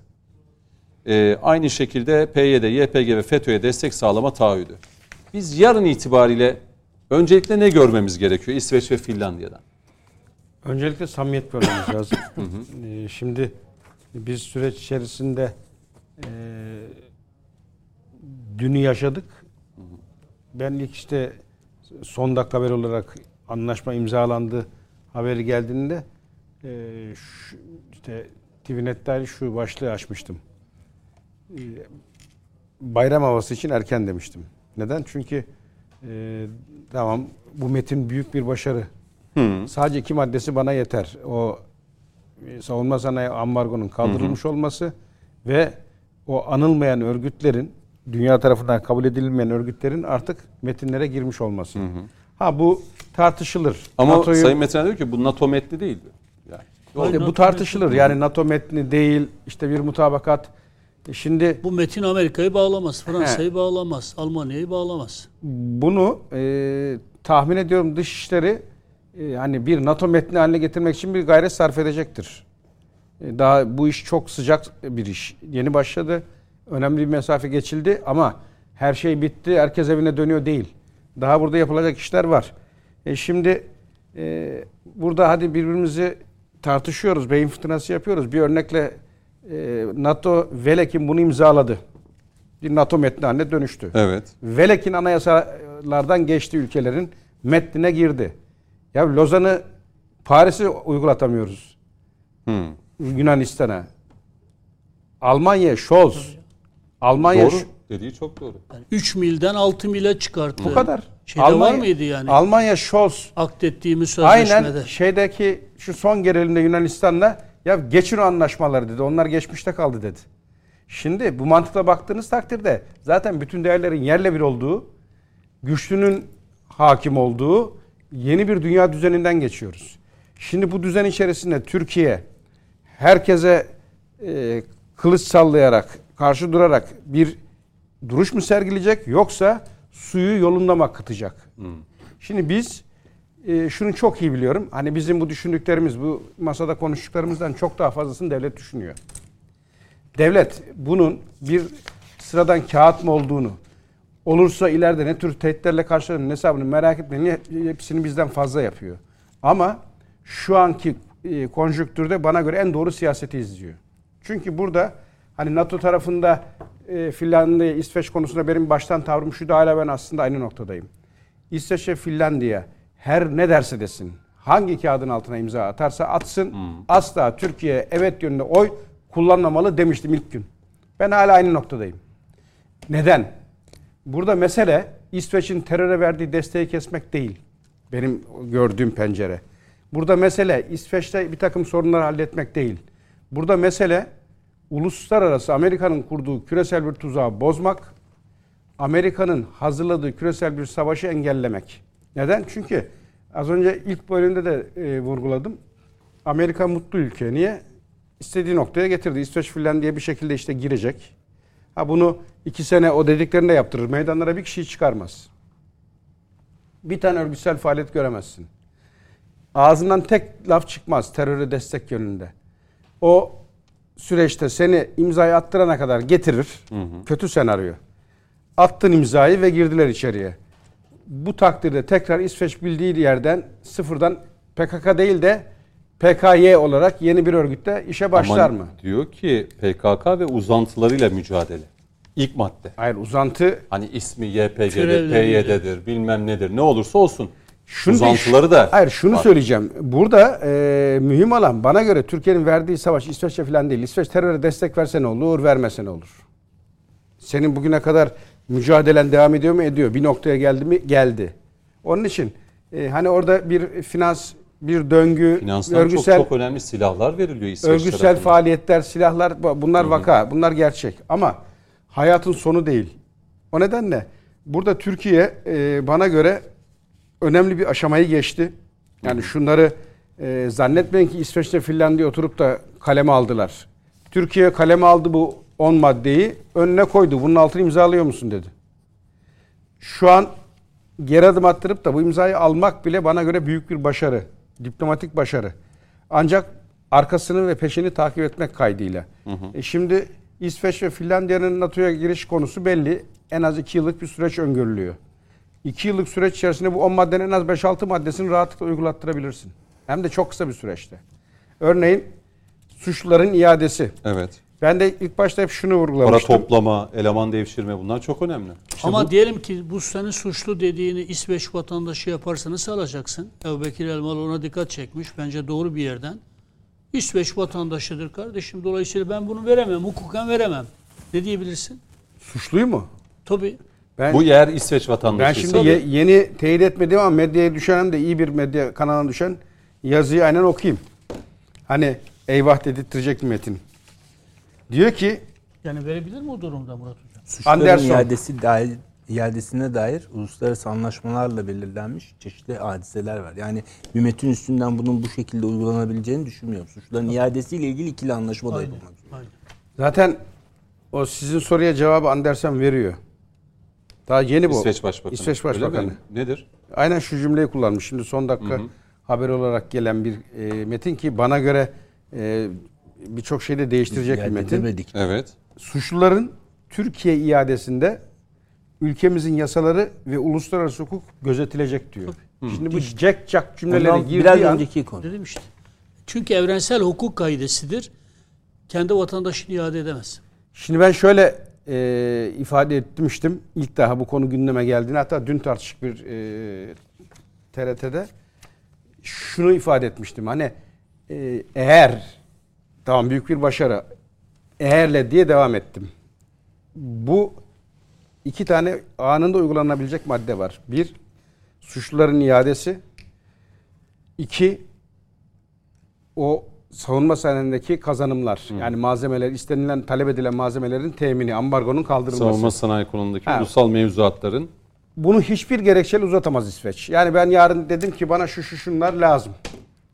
İsveç bunu cek çak inceleyeceğiz dediği an ben de onun durumunu İşte incelerim. Fabrikada daha makine açılmadı, Heh. makine soğuktu gibi bah- bahanelere Şimdi- gitmez herhalde. Aynı şekilde suçların iadesinde az önce okuduğum açıklamaya yakın bir açıklama gelirse dedim. O zaman dedim bu iş e, geçmiş olsun. Aynı bizim Amerika ile Rusya ile mutabakat imzalayıp da sevindiğimiz günlere döner. Hatırlayın Münbiç'i bize vereceklerdi. Rusya'ya verdiler. 150 saat, 120 saatlik anlaşmaları, mutabakatları imzaladık. Dedi ki tamam ortak devreler başlıyor. 30 kilometrede güvenlik sağlandı. Bu iş bitti. 150 saat geçti olmadı. Ee, o zaman da ifade etmiştim bu saatlerin dolmasını beklemek lazım diye. Evet. Ve şu anda hala aynı şeyi söylüyorum. Yani İsveç ve Finlandiya iki taraf açısından baktığında o cephede anında yapılacak çok iş var şu anlaşmaya göre. İsveç ve Finlandiya'nın acelesi olması lazım. Türkiye'nin baskısı sonucu. İlk ne yapacaktır işte? Heh, yani. Bakın adalet Mesela ben en basitinden şey ben Stockholm sokaklarında Türk bayraklarının yakıldığı o görüntüleri görmek istemiyorum. Şimdi bakın dört tane e, Yani üç- bu üç görüntüler tane ortaya bakanlık, çıktığında İsveç polisi müdahale edecek mi? üç tane bakanlık e, bir de Milli İstihbarat Soruma hala Teşkilatımız gelecek işte şimdi geliyor. E, üç bakanlık bir de Milli İstihbarat Teşkilatımız. Şimdi bu saatten sonra Tamam. hızlı bir Doğru. götürecek. üye Bir mekanizma. değil mi? Mekanizma. Adalet, Mekanizma istihbarat ve güvenlik. kurulacak diyor ya bunlar Üye olduktan sonra ama o. Sevgili komutanım, Stockholm sokaklarında PKK sempatizanları, teröristler bir araya geldi. Türk bayrakları yakılıyor. İsveç polisi de böyle etraflarında çember kurmuş izliyorlardı. Evet. Şimdi mesela yarın böyle bir görüntü ortaya çıktığında İsveç polisi buna müdahale edecek mi etmeyecek mi? şimdi e, anlaşmaya mutabakat etmesi lazım. Eğer bunun hakkını verecekse. Hatta e, hani İsveç'e Finlandiya'da şunun takipçisi olman lazım devlet Hmm. olarak. E, Örgütsel faaliyetler sonlandırıldı mı? Örgütte Yazıyor ait, işte burada. işte bunların hemen sonlandırılması lazım. Örgüte ait e, dernek, kulüp vesaire bütün, Para toplama, bütün adam bu devşirme. ha, legalleştirilmeye çalışılan faaliyetler bitirilecek mi? Aynı zamanda da e, en bana göre kritik konu da o. Suçların iadesi başlayacak mı? Bakın Adalet Bakanı hemen açıklama yaptı. E, bu şeyden sonra Hatırlat gün içinde 21-12. Ha. 33 kişi toplam. e, Adalet Bakanımız dedi ki suçların iadesiyle ilgili dedi hemen dedi temasa geçeceğiz. Dosyalar İsveç ve Finlandiya'ya aktarılacak. 6 FETÖ 6 PKK Finlandiya'da 12, 21'de İsveç. 21'de İsveç'te var. Zaten var da ellerinde dosya. Yani Amerika Biz yine yeniden keşfetmeyecekler. Hadi usullendir deyip hani süreci uzatacaklar ya. Diyeceğiz ki al belgeler, deliller bunlar. Uluslararası hukuka göre elinde her türlü doküman var. Buna yönelik e, yapacağın uygulamayla da bize bu kişileri iade et. İşte samimiyet orada görülecek. Peki. Bu kişiler verilmediği takdirde Evet. bana göre bu da e, doğmadan ölen bir çocuk muamelesi görmeli bu mutabakat. Şimdi bu, bu metnin içerisinde 10. madde Evet. Murat Hocam. Evet. Şimdi hepsini anladım. Ben ve benim gibi e, vatandaşlarımızı da aydınlatmak açısından. Finlandiya ve İsveç'in PESCO yani Avrupa Birliği daimi yapılandırılmış işbirliği süreci dahil Avrupa Birliği güvenlik mekanizmalarına en geniş şekilde katılımının desteklenmesi. Evet. Yani burada pek çok şeyi bizde ve İsveç ve Finlandiya arasında yani madde? PKK, FETÖ, PYD, YPG, terörizm, destek, propaganda ve 10. maddede böyle bir şey var. Bu bunu biraz açalım mı? 10. madde nerede hangi şeyde? Şey, Son madde. son maddenin hemen bir üstü. Yani bu adımların uygulanmasını denetlemek üzere Adalet, İstihbarat ve Güvenlik Kurumlarının katılımıyla daimi ortak mekanizması kurulması. Onun hemen üstünde. PESCO. Bu işbirliği süreci, Avrupa Birliği daimi yapılandırılmış işbirliği süreci. Neden bu metnin içinde bu var? Yani 8. maddenin ana, ana başlık. Evet, evet. Baş- Ara başlık. Hı hı. Şimdi buradaki bir kere yaklaşım şu. Avrupa e, Savunma ve Güvenlik Kimliği politikasının bir parçası haline getirildi zaman içerisinde PESCO. PESCO onlar için aslında bir ideal, ideal bir yaklaşım. NATO'nun dışında kendilerinin aslında kendileriyle ilgili Avrupa kendi temel- ordusu. Gibi Düşünce. o temel düşüncenin de içerisinde yer aldığı bir kavramı aslında gündeme getiriyor. Evet. Ama burada çok daha dikkate değer konu şu. Burada Avrupa'nın tehdit olarak algıladığı şeyleri de çok net bir şekilde tanımlamak lazım. Özellikle küresel göç sorununun bir tarafı olan Avrupa'nın bu konudaki hassasiyetlerinin öne çıkarıldığı bir madde olarak da okumamız lazım bunu. Çünkü bu konuyla ilgili olarak biliyorsunuz Doğu Batı geçişlerinde Türkiye atfedilen çeşitli görevler, çeşitli göndermeler ve bununla ilgili çeşitli neler vardı, tavırlar vardı. Aslında burada İsveç ve Finlandiya üzerinden bir şekilde Türkiye'nin askeri mobilite konusundaki projesine katılım da dahil olmak üzere diye parantez açıyor. Türkiye ve diğer AB üyesi olmayan müttefiklerin Avrupa Birliği'nin ortak güvenlik ve savunma politikasının mevcut ve müstakbel girişimlerine mümkün olan en geniş şekilde dahil edilmesine. Yani bugüne kadar özellikle göç politikaları noktasında tamamlayıcı bir unsur olarak bulunan Türkiye'nin aslında asli de bir unsur olarak yapı içerisine dahil edildiği yeni bir güvenlik anlayışını Dolayısıyla. İsveç ve Finlandiya'yı da bu bağlayacak. Türkiye'nin ki. rolü. Yani Tabii ki. Avrupa Birliği'nin güvenliği açısından Evet. göç de Çünkü çok orada önemli bir deniz başlık. bitti. Orada deniz bitti. Avrupa güvenlik ve savunma kimliği konusunda iki tercihleri vardı. Ya NATO içerisinde Amerika Birleşik Devletleri'ne teslim olacaklar ya da kendi göbeklerini keseceklerdi. PESCO arada bir çözüm. Bu arada çözüm yapmak için de Türkiye'nin içinde bulunduğu bir yapının tesis edilmesi lazım. Bu madde ben sonda değinecektim buna. Siz erken olarak gündeme getirdiniz. Çok net bir şekilde Türkiye ile ilgili yeni bir inisiyatifi. önemli bir başlık hani Çok, bu. çok önemli bir başlık bence. Yani Finlandiya ve İsveç bu dakikadan sonra ne yapacak? Türkiye'nin Avrupa Birliği için tehdit olarak görülü- görülen meseleler konusunda Türkiye'nin yanında olmak Evet. zorunda. Evet. Bu göç Göç politikaları- öte bu PESCO Avrupa ordusu. tamam. Bu ileride kurulursa Tam Avrupa Türkiye'nin bu değil de- orduya dahil Bu- olmasına e, İsveç'e Finlandiya yeşil ışık yakacaktır diyor bu madde. Uluslararası terörizm. Evet. Ve bununla beraber gelişebilecek küresel tehditlerin tamamında Türkiye bu büyük bakın Avrupa ordusu diyerek bunu sadece o noktaya taşımamak lazım. Avrupa'nın güvenlik ve savunma kimliği denilen bir konsepti Yani var. NATO'nun nasıl güvenlik konsepti Evet. varsa Avrupa Evet. Birliği'nin. Bu sonda ordulaşma sürecine gider mi gitmez mi hala tartışılıyor. Yani özellikle e, Avrupa Birliği politikası çalışan arkadaşların da özellikle altını çizerek ortaya koymuş oldukları tasarımda bu ordulaşma sürecine doğru gider mi? Acaba bunun böyle bir temel dinamisi, temel kabiliyeti var mı? Konusu ayrıca konuşulur. Ama bugün burada tanımlanmış olan şey bu yapı, bu konsept içerisinde Türkiye'nin yerinin çok net bir şekilde Finlandiya ve İsveç tarafından da tanımlanacağı noktasına. Bunun NATO ile alakası Katkı yok. Bunun. Avrupa Birliği ile alakası var. Çok İsveç, önemli. İsveç Başbakanı'nın orijinal sözü şu. Asla bir İsveç vatandaşını iade etmeyiz.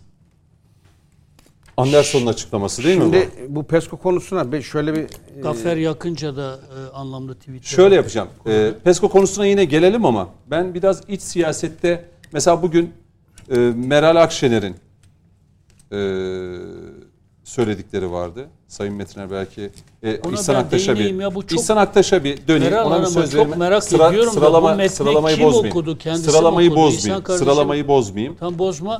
Yalnız Ee, ben şey yapayım. Bu metni Mehmet kendisi mi okudu? Kendisi mi okudu? Danışmanları mı okudu? Mesela diyor ki Evet.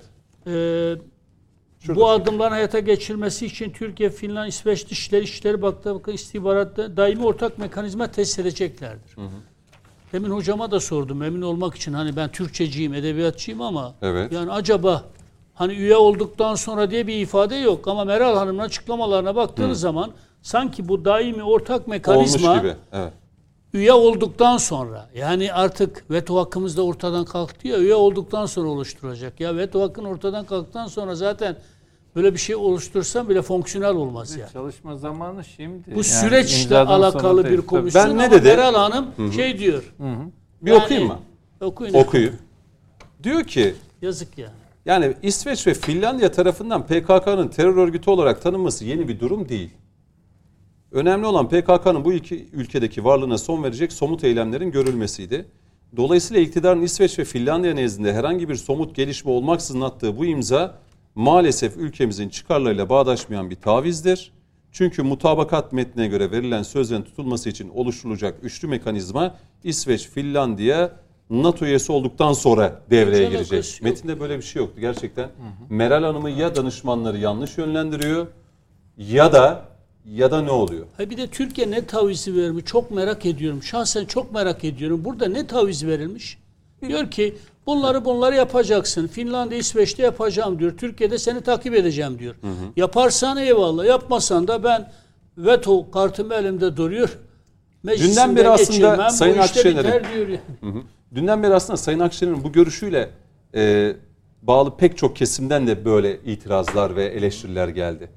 Yani toplumda bu şekilde yanlış yere Şimdi siyasi, yönlendiriliyor. siyasi partilerin kimlik ve duruşlarıyla sözlerini mukayese etmek lazım. Şu an gerek Cumhuriyet Halk Partisi gerekse İyi Parti umutlarını neye bağlamışlar? Acaba bir dış dizayn olur mu? İşte o Biden'ın seçim öncesi söylediği sözler bir rüzgarla gelir bize etkiler mi? Ya da e, dünyada işte AK Parti aleyhine PKK'nın ve FETÖ'nün olağanüstü derecede etkileme çabaları var. Ve özellikle de Rusya-Ukrayna savaşında Türkiye'nin o yıldızının parladığı, dünyada pozisyonun güçlendiği günlerde önerisi neydi? Gidin bir an önce NATO'ya teslim olun, emrine girin. S-400'leri gönderin. Şimdi siyasilerin mülahazalarını mukayese edeceğiz biz. Eğer toplum e, zaten şöyle bu şey toplum bu modern sonrası toplumda artık galiba iki gün üst üste e, şey tutarlı olmaya ihtiyaç kalmadı. Ya bugün söylediğiniz yarın, yarın söylediğiniz öbür gün, öbür gün daha öbür gün yalanlayabilirsiniz ya da yanlış şey söyleyebilirsiniz. Bence şeyin yani İyi Parti'nin gerek geleneğinde de yani Cumhuriyet şey Milliyetçi Hareket Partisi İyi Parti şöyle ayrıştı. Hı hı. Daha çok Ocak ülküleri, ülkücüleri Milliyetçi Hareket Partisi'nde kaldı. Göbeğinden NATO'ya bağlı olanlar konsept olarak NATO'ya bağlılığında İyi Parti'ye geçti. Bir defa kökünden zihniyetleri NATO'cu. Zihniyetleri NATO'cu olan birinin Türkiye'ye taviz verdi deme şey yoktur ki. Zaten varlığınız yani varlık sebebiniz oraya bağlı ve gelecekte de başka bir tahayyülünüz yok. Bu metinde şimdi, var mı böyle bir şey? Yani şimdi, iki ülke NATO'ya üye olduktan sonra bu mekanizma kurulacak. Yani diye. ya biz yani şöyle bir anlamı kalmaz ki. Şöyle bir anlamı kalmaz. Bu süreç bittikten sonra mekanizma kurmanın bir anlamı kalmaz ki. Nihayetinde ne var? Adamların bir ihtiyacı var. Bizim de sıkıntılarımız var. Hı hı. Adamların ihtiyacını görmek için biz koparabildiğimiz kadar taviz koparacağız. Ha bunu yüz niyet ederiz de 70 koparız. Çok Nihayetinde bir de bu konularda uzmanlaşmış, ustalaşmış e, neredeyse kedinin fareyle oynadığı gibi dış politika meselelerle oynayan da bir liderimiz var. E, tabii ki şöyle de bir şey var. Şimdi Tayyip Erdoğan'ın yaptığı her şeyi o kadar çok karaladılar ki A yanlış, B yanlış, C yanlış, D de yanlış. Artık bunlar otomatiğe bağladılar bütün şıkların yanlışlığını. Geçtiğimiz haftalarda Sayın Cumhurbaşkanımız çok kıymetli bir ifade kullandı. Dedi ki siyasal anlamda yapılan bir eleştiri ya da karalama siyasal anlamda karşılığını bulmadığında milletin dimağına yerleşip kalıyor. Şimdi AK Partililer 15 yıl çok güçlü bir süreçten geçtiler. Doğrusu muhalefetin her şeyini cevap verme zorunlulukları da yoktu. Her iftirayı toplum nezdinde düzeltmek gibi bir duruma da ihtiyaçları yoktu. Ama bugün bir yalan söylendiğinde, bir, e, bir siyasal eleştiri ya da e, e, yanlış bir bilgilendirme yapıldığında ses çıkarmasın. 2, 3, 4 ettiği zaman toplum diyecek ki ya galiba bu insanlar doğru söylüyorlar. Dolayısıyla AK Parti'nin siyasal kadroları aktif olacaklar. Hem kendi misyonlarını ortaya koy, koyacaklar. Bu misyona aykırı e, gelen eleştirilere de yine misyon üzerinden e, hızlı bir şekilde cevap verecekler. Ben göçle alakalı e, muhalefetin eleştirileri vardı. Ve o kadar saçma sapan maddeleri vardı ki aradan bir süre geçti. AK Partililerin de o maddeleri tekrarladığını gördüm. Niye? Çünkü o 10 tane eleştiri yapıyorsa AK Parti sesini çıkarmadı. Sesini çıkarmadı. AK Partililer konuşmaya başladı. Mesela benim gitmediğim yere onlar gidiyor cümlesi bir AK Parti'nin ağzından çıkmamalı. Bu çok başka bir şey. Çok dışlayıcı, çok ötekileştirici. Ama siz öteki e, makul eleştirilerin yanında gayrimakul olanı ayırt etmediğiniz zaman o da bir zaman sonra siz kitle partisiniz, sizin dimağınıza yerleşiyor. Mesela burada e, şey muhalefetin ağız alışkanlığı. Cümle, şey, Ama ağız alışkanlığı da çok önemli bir e, konuda bu söylenirse ya e, Kılıçdaroğlu için bir ifadem vardı. Kılıçdaroğlu bunu, daha bir şey söylemedi. Şöyle daha Meral Hanım'a bunu teşmil edebilir miyiz diye bakıp göreceğiz. Ben diyorum ki mesela bu toplum artık Kılıçdaroğlu'nu tutarlılık açısından sorguya tabi tutmasın. Hmm. Bunun artık şeyi kalmadı, imkanı kalmadı. Meral Hanım da bakıp göreceğiz. Aynı mı olacak yoksa farklı bir tutum sergileyecek. Hmm. Sayın Metiner ve devamında diyor ya e, çünkü mutabakat metnine göre verilen sözden tutulması için oluşturulacak üçlü mekanizma İsveç ve Finlandiya NATO üyesi olduktan sonra devreye girecek. Yani bu mekanizmanın işlememesi durumunda Türkiye elindeki NATO kartını kaybetmiş bir biçimde itirazını sürdürmek ve haklı davasını anlatacak, muhatap aramak zorunda kalacak diyor. Hiçbirisi doğru değil. Bir defa Türkiye taviz alan bir ülke, taviz veren bir ülke değil. Bu metne baktığınız zaman diyelim ki bu süreçte Hı hiçbir şey olmasa bile Türkiye kendi kararı bir şey dikte etmiştir. Uluslararası bir metne kendi hassasiyetini yedirmiştir. Ne, ne taviz verilmiştir yani. Hiçbirisinin gerçekleşmediğini varsaysak bile. Bu metnin kendisi bile çok büyük bir zaferdir ya. Kağıt üstünde büyük bir başarıdır ya. Bir diğer husus, Evet. bir diğer husus e, veto kartı meselesinde. Şimdi iki şey var. Veto Bunun- kartını kaybetmiş. Evet, NATO üyeliğinde bakınız NATO üyeliğinde iki önemli şey var. Yani gayet basitleştirerek anlatıyoruz ki vatandaşlarımız bilsinler. Bir, bir yeni ülkeyi davet edebilmeniz için mevcut üyelerin hepsinin oy birliği gerekiyor. Türkiye bu konuda çekinceleri olan bir ülkeydi. Ne dediler? Ya böyle bir metin Tamam ben senin çekincelerini görüyorum, hassasiyetlerini paylaşıyorum. Ne diyorsan onu yapmaya var. Dolayısıyla oy birliğiyle sadece şu an bir çağrı var.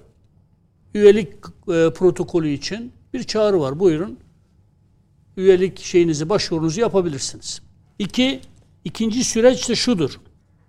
Bu bir yıl sürebilir, altı ay sürebilir. E, O şey bal değil. Evet. İki, bu üyelik şeyi, e, protokolü e, bütün ülkelere, mevcut NATO ülkelerine gönderilecek. Onlar kendi parlamentolarından geçirecek.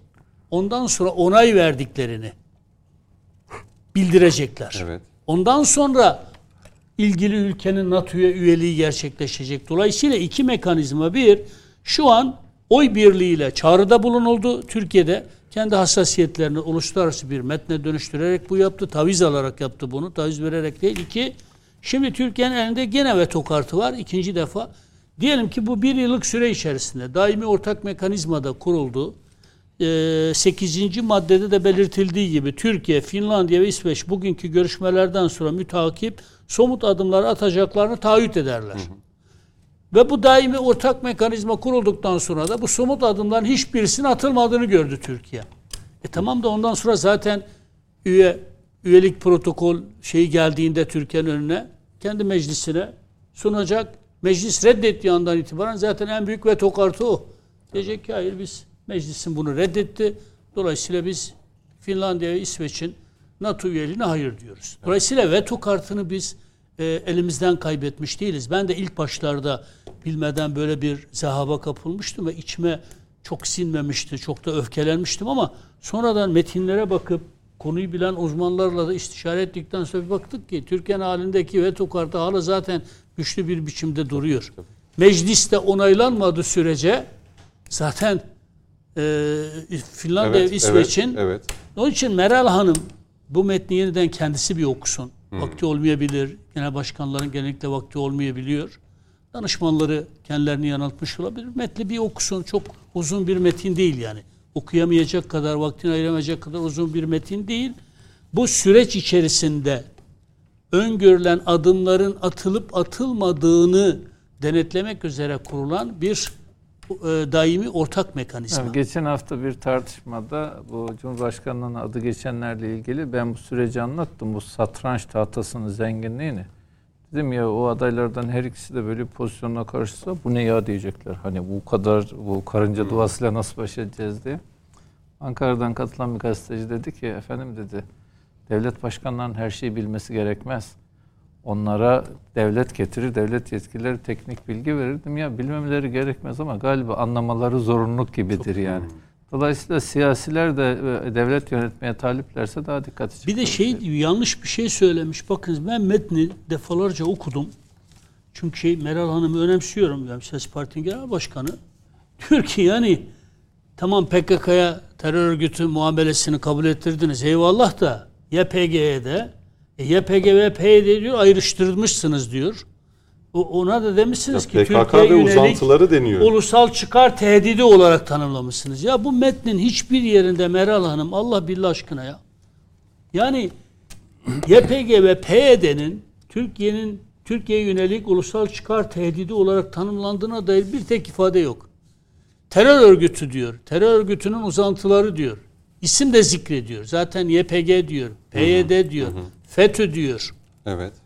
Bunların bütün türevleri diyor, uzantıları diyor. Hatta bunlarla iltisaklı STK'lara varıncaya kadar hepsini bir bir sıralamaya gerek yok. paydaşlar diyor. Dolayı paydaşlar koymuş, diyor. evet. Meral Hanım bu bu metnin hiçbir yerinde PKK'yı ayrı tutan, YPG'yi PYD'yi de sadece Türkiye'nin ulusal çıkarlarını tehdit eden bilmem ne gibi bir tanımlama yok. Metnin orijinalinde yok, kendisinde yok.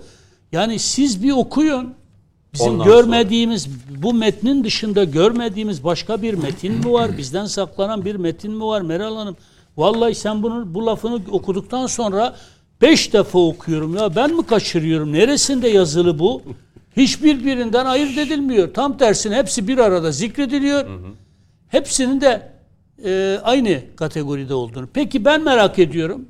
Ben Meral Hanım'a buradan siyasi bir soru soruyorum. Madem ki sorun. madem ki YPG ile PYD'nin ayrıştırılmasından bu denli rahatsız.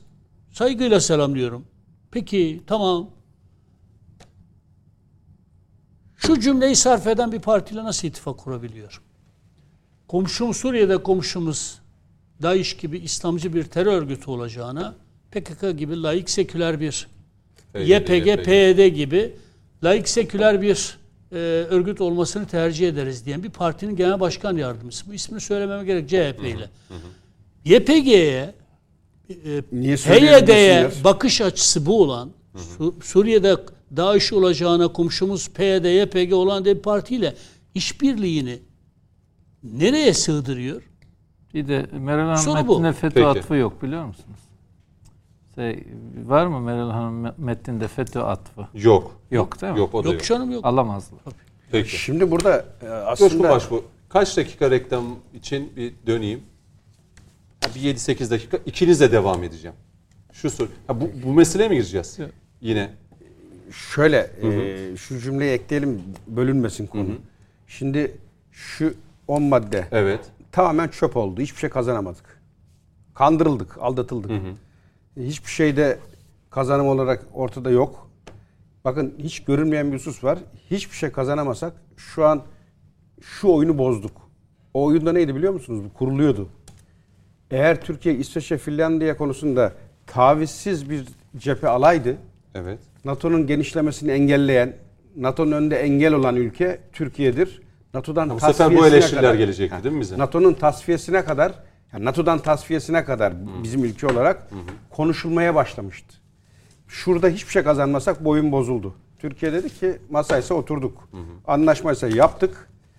Çiğneyenler, karşıdakiler dolayısıyla bana artık söyleyecek tek bir sözünüz Bu da yok. önemli. Bu da bir, önemli bir bakış açısı. Şimdi bu PYD, YPG'yi çok konuşuyoruz ya bu terör örgütleri, PKK ve uzantılarını. Şimdi İsveç ve Finlandiya ve Türkiye bu konuda bir e, bu meseleyi zapturap altına aldı. Somut adımları Mutabık göreceğiz. kaldıklarını evet, mutabık kaldı. beyan ettiler. Evet. NATO çatısı altında. Şimdi Biden Erdoğan görüştü. Suriye'de, kuzeyde YPG, PYD ve Amerika'nın desteği. Her açıdan desteklediği bir PYD, YPG var. Evet. Buraya etkisi ne olacak? En çok merak edilenlerden birisi bu. Buraya bir etkisi olmayacak. İlk başlangıç bölümünde de söylediğimiz gibi Joe Biden bu, bu yapılan görüşmede bugüne Müesses kadar nizam. Tabii, Biden'ın tabii, tabii. haricinde. Tabii ki. Yani ortada duran Pentagon yaklaşımı var sahada. Yani bir sürü O para... destek devam edecek. Tabii ki devam edecek. Yani bununla ilgili onların bir yatırımı, bir tasarımı var burayla ilgili olarak. Bugüne kadar gelinmiş bir mesafe var. Fırat'ın doğusunda ve batısında. Bakın Rusya ile olan ilişkileri noktasında bakın Amerika Birleşik Devletleri'nin. Bir tane Rus askerinin ABD'li askerin öldürdüğünü gördünüz mü? Ya da Rusların bir ABD. Ukrayna bir sürü kriz oldu. Bir tane Amerikalı askerin öldürüldüğünü gördünüz? İki tane Mümbüç'ü bize verecekler. Falan gibi böyle bir sürü- verdiler. bir- bir Madem sürü- Rusya tehdit. farklı bir Biz etkileşim Rusya ile var. sıkıntıları yaşadık. Bu- Şehitlerimiz bugün- oldu. Bugün itibariyle Rusya'nın kayıpları oldu. Cüneyt Bey bununla ilgili olarak ayrıca ayrıca onlardan fazla bir beklenti içerisinde bulunmak bizim kendi bakış açımızı, niyetimizi, harekatımızın geleceğini tehlikeye sokacak. O zaman biz bu meseleyi İsveç ve Finlandiya ile ayrı konuştuk. Bir şeye bağladık. Amerika ile hala bu duracak. Ve hatta Rusya ile bile. Ve hatta Rusya ile bile. Bunlarla konuşulacak. Bölgeye girip çıkanlarla da ilgili, İran dahil Evet. olmak üzere bununla ilgili olarak da yeni bir inisiyatif geliştirecek ve sahada bununla ilgili adımlar Rusya'nın atmaya daha çok mesela İran'ı destekleyeceği ya da daha bir yakınlaşma olacağı söyleniyor bu. Kesinlikle. bu zirve sonuç bildirgesi işte e, NATO'nun sınırlarının daha fazla Rusya'ya yaklaşması sonrasında Rusya'nın İran'la daha işbirliği içerisinde olacağı Tabii. ve bizi daha çok baskılayacağı yönünde. Tabii ki Suriye'yi eğer mevcut e, oradaki iktidarı bir şekilde okursak e, bu e, sonuca varmamız mümkün. Ama sahayı tamamıyla İran'a teslim edecek ya da onlara bırakacak, gidecek işte havaalanları, bir sürü askeri inisiyatifler, tesisler, kalıcı tesisler vesaire kalkıp İran'a verecek diye bir etkileşim içerisinde bulunmak mümkün değil. Türkiye'nin çünkü burada Rusya'dan ziyade İran'a vereceği tepki çok daha farklı olur. Biz iki hafta önce biz o harekata başlayacağımızın sinyalini verdiğimizde Rusya, Lavrov geldi. Evet. Türkiye'nin terör konusundaki şeylerini biliyoruz. Evet. Yani çok Rusya böyle hani bize zorluk çıkarmayacak gibi bir hissiyata Yo, kapıldık. Ama Rusya ondan- çok net çok tavır doğru. koydu. Biz izin vermeyiz dedi yani. Politikalar Doğru artık, konuşalım e, yani. Doğru oturup doğru konuşalım. Soğuk Savaş dönemindeki gibi değil. 15 günde bir politikalar Aynen. değişiyor ve Türkiye Cumhuriyeti de bu değişken politikaların farkında odana göre esnek Yani davranıyor. Lavrov geldiğinde Suriye'nin kuzeyine yapılacak bir özellikle Münbiç'e ve Tel Rifat'a yönelik bir operasyona sıcak bakmadıklarını, bakmayacaklarını çok açık bir biçimde ifade etti yani. Şimdi Ben öyle biliyorum. Yok geldiği zaman olumluydu şimdi. olumluydu. Şimdi biraz o Türkiye'nin- Yani Türkiye geldiğinde tersine olumlu döndü. muydu? Orada, orada şöyle bir cümle oyunu Ben vardı. tam tersini biliyorum. Orada şöyle Türkiye bir cümle- geldiğinde çok istikrarını O- şöyle, orada şöyle bir cümle oyunu Ben yaptı, cümleyi- kelime oyunu yaptı e, Lavrov. E, Türkiye'nin dedi endişelerini anlıyoruz. Harekat hani alakalı hı hı. olumlu terör bakıyoruz. ve mücadele konusundaki Çünkü dedi Fırat'ın batısında Amerika dedi. Yani adres gösteriyor. tabii gidiyor. ayrılıkçıları destekliyor Yani şeklinde. bir takım bölünmeye yönelik fel- eylemlerde bulunuyor. Türkiye haklı. Evet. Yani diyor ki benim bölgeme, bölgeme değil ABD'ye girme. git diyor. Şey dedim zaten. Tel. Rifat ve Münbiç dedim. Şöyle. Mesela e, Kamışlı demedim. Cümle olumluydu. Adresi ABD'nin bölgesine gösterdi. Tamam, Şimdi şimdi sonra- bence cümle de olumsuz olabilir ama şöyledir. Ya Türkiye şeyde ya Fırat Kalkanı'nda Rusya'nın nüfuz alanını biraz geriye kanırttı. Barış Pınarı'nda ABD'nin nüfuz alanını. Dolayısıyla e, ihtiyaç duyduğu zaman zaman zaman da o dirence rağmen bir kanırtma yapabiliyor Türkiye. bu Gerek Rusya ile, gerek Amerika Birleşik Devletleri ile, Kaç dakikamız var? gerek Rusya ile, gerek Amerika Birleşik Devletleri ile süreç içerisinde tıpkı buna benzer yeni bir mutabakat muhtırasının ve ya da böyle bir şeyin imzalanması zamanı geldi. Amerika ile ve Rusya ile mi? Her ikisiyle. de. Öyle İran falan değil. Bizatihi sahada oyunu kuran, yöneten ve bununla ilgili yeni dengelerin oluşumu için her gün yeni bir inisiyatifi farklı bir noktadan sahaya süren unsurlar var. Onun için ki aynı bunun gibi bir şeyin Türkiye'nin terörle mücadelesinin desteklenmesi noktasında ortaya konulması lazım. Fakat bir öncekideki biliyorsunuz harekat merkezleriyle kontrol ediliyordu. Tıpkı bundaki gibi olmalı. İşte burada ayrı ayrım ortaya çıkıyor. Burada ne deniyor? Daimi ortak mekanizma. Daimi diyor. Daimi. Yani oraya temsilciler atılacak, komisyonlar kurulacak, birlikte dolaşılacak. Fakat o sefer yapıldığı gibi işte uyduruk devriyelerle falan yapılmayacak bu. Hangi devriyede bir PKK'lı yakalanmış ya da PYD'li yakalanmış da tesirsiz hale getirilmiş? Hangisi bölge dışına sevk edilmiş? Biliyorsun saati, dakikası, kilometresi belli şeylerdi. Yerler belliydi. Haritalar çizildi. Tek tek iki ekip dolaştı. Ruslarla dolaştık, Amerikalılarla dolaştık. Sahada çizimler yapıldı. Ne oldu? Demek ki bunun gibi bir daimi ortak mekanizmanın çalıştırılmasına ihtiyaç var. Bu bir uluslararası ilişkiler modeli ve bu süreç içerisinde olacak. Eğer anlaşırsak, niyade ve niyet ve irade beyanları ortada çok net bir şekilde duracaksa oturacağız bir anlaşma imzalayarak bunu hayata geçireceğiz. Yoksa bu iyi bir başlangıç, çok yüksek düzeyli bir başarıdır. Fakat bundan sonrası işte o mekanizmadan elde edilecek sonuçlarla şekillenecek. Suriye'de her iki ülkede Aslında hem vakit Amerika kalırsa bir 10 Rusya'yla. dakika Suriye konuşalım. Acaba bu denklemler Suriye'de bir değişime Peki sebep bir olabilir. reklam arasına gidelim. Dönüşte bu konuyla ilgili bana geleceksin değil mi? Tabii tabii tabii. Tamam. Yani Sana dönüşte bir gelmeyeceğiz. 15 dakikamız olacak ama çok hızlı bir şekilde gitmemiz gerekecek. Son araya gidelim efendim devam edeceğiz. Efendim son bölümdeyiz. Ee, süremiz de e, artık daraldı. Ee, Coşkun Başbuğ, İhsan Aktaş, e, Profesör Doktor Murat Koç ve Mehmet Metiner birazdan bizimle birlikte olacak. Ee, evet PYD, YPG ve PKK'nın uzantıları ama özellikle PYD ve YPG'nin e, çok fazla e, sayıda teröristi Amerika tarafından destekleniyor. Buraya bir paragraf açalım dedik reklama giderken. Suriye'de bir değişim olur mu diye ki Murat Hocam size sorarken bu bağlamda sormuştum. Belki Coşkun Başbuğ'la başlayayım. Bir değişim olabilir mi? Ne olabilir? İşte Murat Koç şunu, şunu söyledi. Nasıl böyle bir metin oluşturursak Rusya ile de Amerika ile de böyle bir metin oluşturmamız gerek diyor. Oluşturduk biz bunu. Ama uyulmadı. Uyulmadı. Yani de- de- değişir mi veya aynı e, denklemle iki- farklı sonuç alabilir misin? Tartışılır veya denenebilir ama ben e, oradan da bir sonuç çıkacağı kanaatinde değilim. Yani yapılsa dahi iki tarafta ayak süren bir süreci yürütmeyi yeğleyecektir. Bakın Rusya az önce beraber tartıştık. E, Lavrov e, Ukrayna'yı unutarak buraya geldi. Hem de e, ateşten mal kaçırır gibi buraya geldiler askeri heyetiyle birlikte. Çünkü e, her ne hikmetse konu Suriye'nin kuzeyi olunca herkes değişiyor. Buna Rusya'sı da dahil, buna Amerika da dahil. Şimdi Amerika açısından baktığında e, Suriye'deki yürüteceğimiz harekat hayat meyat meselesi onlar kendi açısından. Ve gerçekten de bölgede yıllardır e, kurulan tuzak yıkılabilir Türkiye'nin yapacağı harekatla. Amerika'nın aslında mutluluğu o. Yani e, işte Finlandiya, İsveç konusunda bir mesafe kat edildi. İşte e, biraz da Suriye'nin güneyini yumuşatır. Türkiye'yi bu harekattan vazgeçirir mi mutluluğu. Ama Cumhurbaşkanı gitmeden NATO'ya e, bu zirveye gitmeden çok kritik bir cümle daha kurdu. Hatırlayalım. Harekat yapılacaktır dedi. Uygun an ve saat geldiğinde. Yani bu zirvede ortaya çıkan sonuç, bu metin vesaire, ABD ile görüşmemiz hepsi bir tarafa burada ama bu harekat, hala ayrı bizim yerde. için saklı. Ha, şimdi zaten saklıydı. Ancak bana desen ki şu işler hiç olmadan NATO zirvesi var kritik. Türkiye'nin orada en büyük mücadelesi, en büyük kazanımı ne olur diye sorsaydın doğrudan şunu söylerdim. NATO zirvesinde YPG'yi, SDG'yi terör örgütü olarak metne dahil ettirmek, NATO ülkelerine bunu kabul ettirmek en büyük kazanımdır derdim.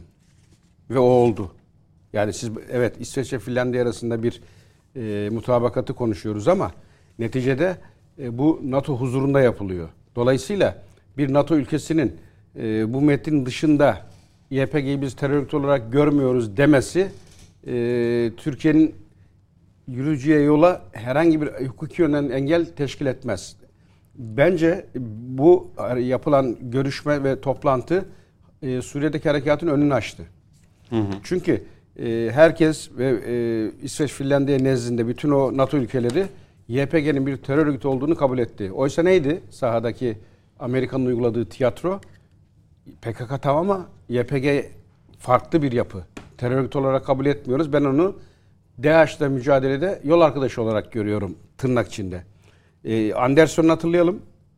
Bu konu ilk gündeme düştüğünde, kriz doğduğunda şu cümleyi kurduğunu ben çok iyi biliyorum.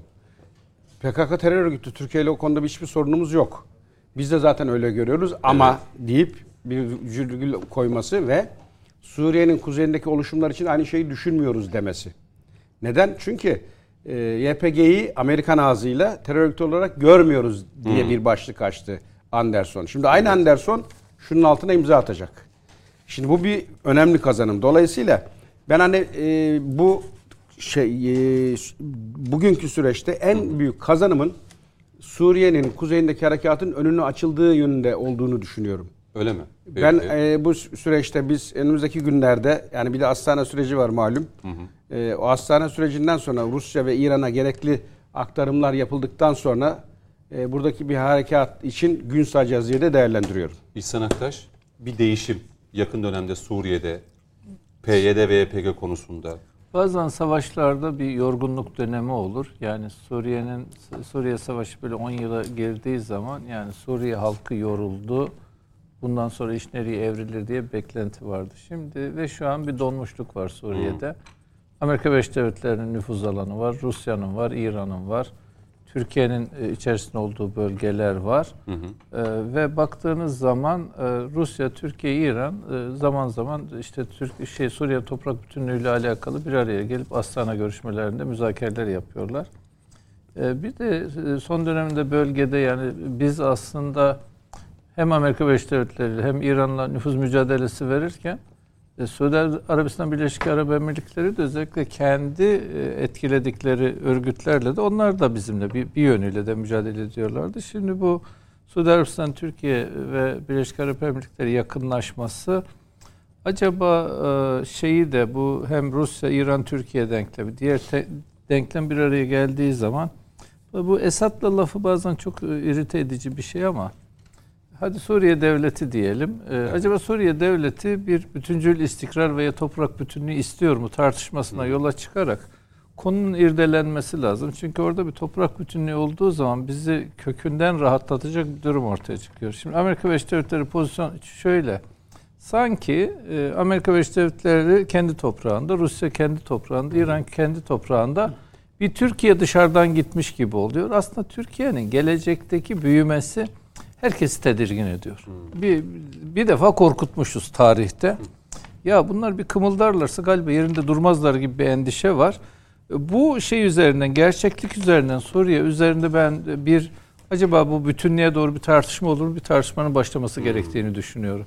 Çünkü denklemler her an Herkesle değişebilir. normalleşirken, görüşürken, karşılıklı anlaşmalara varılırken... Acaba Rusya ile Amerika. Birleşik Devletleri, işte Amerika Birleşik Devletleri'nin orada İran'a yönelik gerçek bir niyeti var mı yok da onu da bilmiyorum. Ben Amerika Birleşik Devletleri ile İran'ın rakip olup olmadığı konusunda da hep böyle tereddütlerim var. Hiç Gerçek anlamda rakip falan değiller. rakip olduklarını düşünmüyorum ama her ikisinin de ihtiyacı var o düşmanla ihtiyacı var. Acaba Rusya ile Amerika Birleşik Devletleri kendi gerçekliklerine dönüp de Suriye'den biraz nüfuz zayıflatabilirler mi? Kökten çekilmezler. Ben sanki Suriye ile ilgili yeni bir tartışmanın başlaması gerektiğini düşünüyorum. Ama böyle çok dahiyane çözümler de var. Mesela Kemal Bey diyor ki Suriye'ye barışı getireceğiz.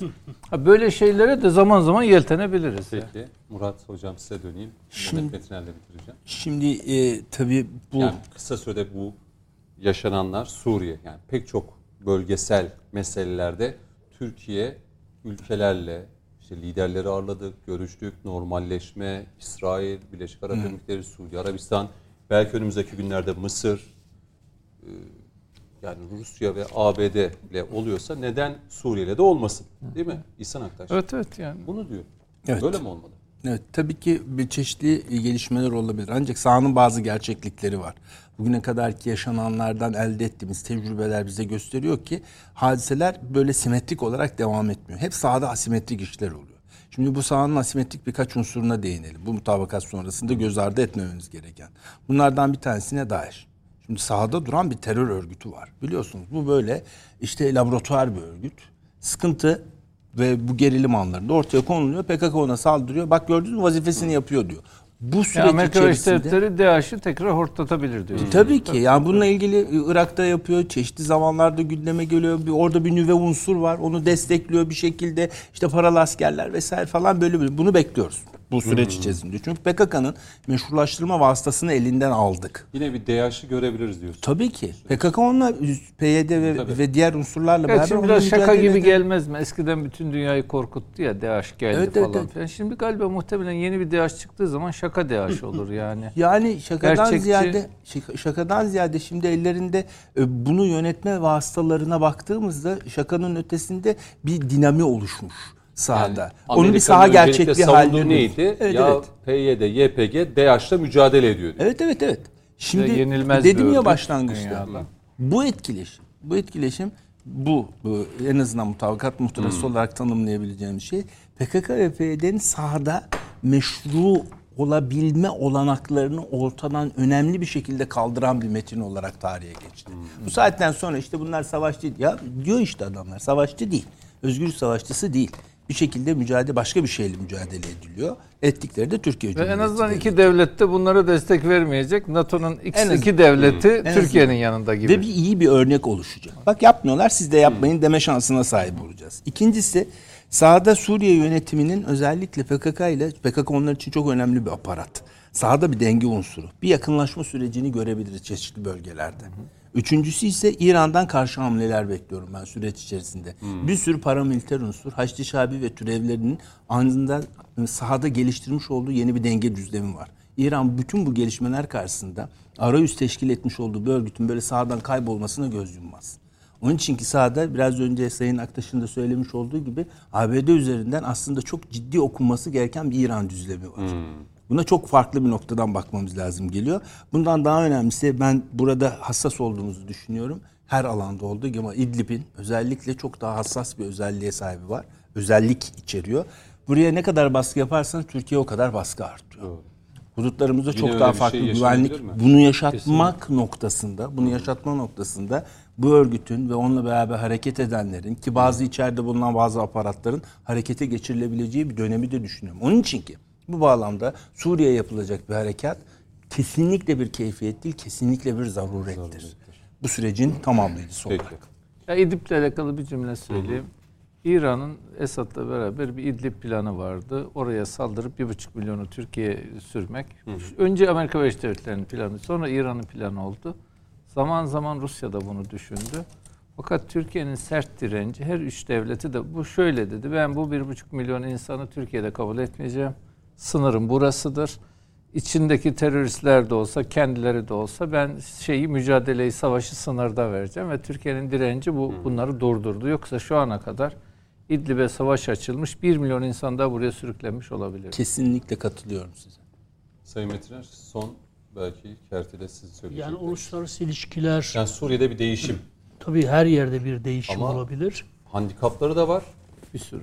Türkiye'nin e, lehine ve aleyhine e, olabilecek durumlar da söz Yani konusu. e, uluslararası ilişkiler dinamiktir, esnektir. E, idealizmle gerçekçilik birbirinin karşıtı değildir. İdealizmle materyalizm birbirinin karşılığı felsefi anlamda da dış ilişkilerde de yani gerektiğinde real politiğe uygun davranmak zorundasınız. Gerektiğinde ideallerinize uygun davranmak zorundasınız.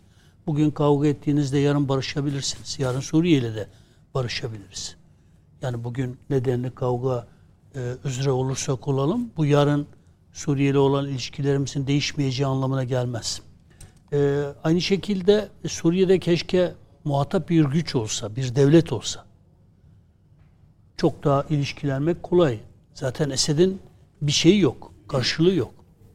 Yani Rusya ve İran şu an e, Esed rejimini tamamen e, rehin altında tutuyorlar. Yani her ikisini çektiğiniz andan itibaren zaten çökecek olan bir rejim varlığını e, Rusya ve İran'a ba- borçlu olan bir rejimden bahsediyoruz. Dolayısıyla Türkiye ile belki de Esed arasındaki ilişkilenmenin en önemli şeylerinden biri bu. Yani birileri bize sürekli Esed'i e, muhatap olarak dayatırlarken görmedikleri gerçeklik bu. Belki de Esed'le Türkiye'nin doğrudan görüşmesini herkesten önce Rusya ve İran sabote eder. Kesin. Yani onun için e, tabii ki İran bizim düşmanımız değil ama İran'ın sahada ne yaptığını çok iyi görüyoruz. Türkiye de çok iyi görüyor. İran bence Türkiye'nin sabrını ziyadesiyle zorluyor. Doğru yapmıyor. Doğru yapmıyor. E, yani mezhepçiliği hortlatmanın bir manası yok. Hele mezhepçilik üzerinden Safe, Safevi mantığını e, dinsellik adı altında sürdürmenin hiçbir mantığı yok. PKK'ya yaptıkları şey biliniyor. Haçlı Şabiler üzerinden yapmak istedikleri şeyler biliniyor. Ama bütün bunlara rağmen ben Türkiye'yi çok güçlü görüyorum. E, ama e, uyarım şu, özgüven çok gerekli. Ama biz her şeye yeteriz, biz her şeye kadiriz. E, kibrine kapılan bir e, dış politikaya kapılırsak. olmamalı. tabii yani. Olmamalı. Onun için yani Amerika'yı biz burada istediğimiz gibi eleştirebiliriz ama devlet yönetirken Amerikan vaatlerinin ne kadar boş ve asılsız olduğunu bilsek bile onunla da ilişkilenmek gerektiğini unutmamalıyız. Bu bütün ülkelerle böyle, Rusya ile de böyle. Ee, onun için Türkiye bence çok güçlü bir ülke, çok başarılı bir dış politika yürütüyor. Ama hocamın da dediği gibi yüzde yüz katılıyorum. Şimdi bu süreci sabote etmek isteyen pek çok unsurlar devreye girinebilir. Onun için her an teyakkuz halinde olan yeni bir siyasal akla, bir devlet aklına da İhtiyaç şiddetle var. ihtiyacımız var. Bitireceğim ama şimdi Sayın Cumhurbaşkanı e, yarın dönecek ayağının tozuyla çok da merak ediliyor İhsan Aktaş. Rakamlar. Şeyler, Uzatmadan evet evet. Yani şimdi sosyal medyada iki dakikam var. Yazılıyor. Bazı atılan tweetler var. Hayırlı olsun. Yani. Yani- Memur maaşı, asgari ücret vesaire. Ya şöyle bir şey var. e, Yani eğer siyasal rakamlar söylüyorsan, oy rakamları falan. Şimdi AK Parti hala ülkeyi yönetme ve oy artırma kabiliyetine sahip. Zaman zaman düşüşler oluyor, zaman zaman çıkışlar oluyor ama yani birinci parti, ikinci parti arasında hatır sayılır bir oy farkı var. Birinci parti 10 puana yakın Cumhuriyet Halk Partisi'de oy farkı var. Ve e, millet de yani zaten toplumun gerginliği de ondan. Diyelim ki şey ekonomi can yakıyor, e, hayat pahalılığı can yakıyor ama millet de umut diye muhalefete yönelmiş değil. Zaten e, arkada iyi bir parti olsa millet gerilmez. Yani AK Parti zayıfladığı zaman öbürüne geçer. Hala milletin gitgelleri AK Parti Soru üzerinde. ekranda. Ben sormuyorum asgari ücret zammından ne Ha, pardon asgari ücret biz böyle alışkanlığa gittik. yani asgari ücret Ama ekonomi şöyle yani en önemli galiba başlık. asgari ücrette önemli olan devletin vereceği destekle beraber böyle bir e, 1500 lira üzerine koyacağına dair bir şey Öyle mi? var ama Yani 6'dan aşağı olmamalı. Aa, evet. Peki. İşte Herkes- 4000 küsür 1500 olunca 6 gibi. Ama burada devletin vereceği destek de önemli özellikle sigorta İşverenler için Evet, ve tamam. sigorta Bir konusunda. de senin bir önerin vardı onu da söyleyelim. Ya Benim bu, de önerim şu bu yani şirketlerden, bu yol, köprülerden elde edilen gelirlerin %15'ini ya bir cümleyle 30 saniye. söyleyeyim. Fukaramıza, Yani garip hükümet politikasının temelini önümüzdeki dönem şunu koyabilir. Artık yolları, köprüleri her şeyi yaptı, bitirdi. Altyapı. Ve ya, altyapı olarak yapmadığı şey kalmadı. Her bir sektörden önümüzdeki dönem milletin şeyine, refahına, ekonomiye, üretime, argeye aktarılacak yüzde 15-20 pay var ve her yılda bu pay artabilir ve bu hükü- hükümetin temel politikası olabilir diye düşünüyorum. Peki. Bir cümle. Peki. E, Profesör Doktor Murat Koç çok teşekkür ederim. Mehmet Metiner çok teşekkür ediyorum. İhsan Aktaş teşekkür ediyorum. Coşkun Başbuğ teşekkür ediyorum. Teşekkür ederim. Efendim sizler de izlediniz. Sizlere de teşekkür ediyoruz. Programı tekrarı bu gece yine TVNet ekranlarında olacak. Bizden sonra ise sert sorular var. Önümüzdeki hafta görüşmek üzere efendim. Hoşçakalın.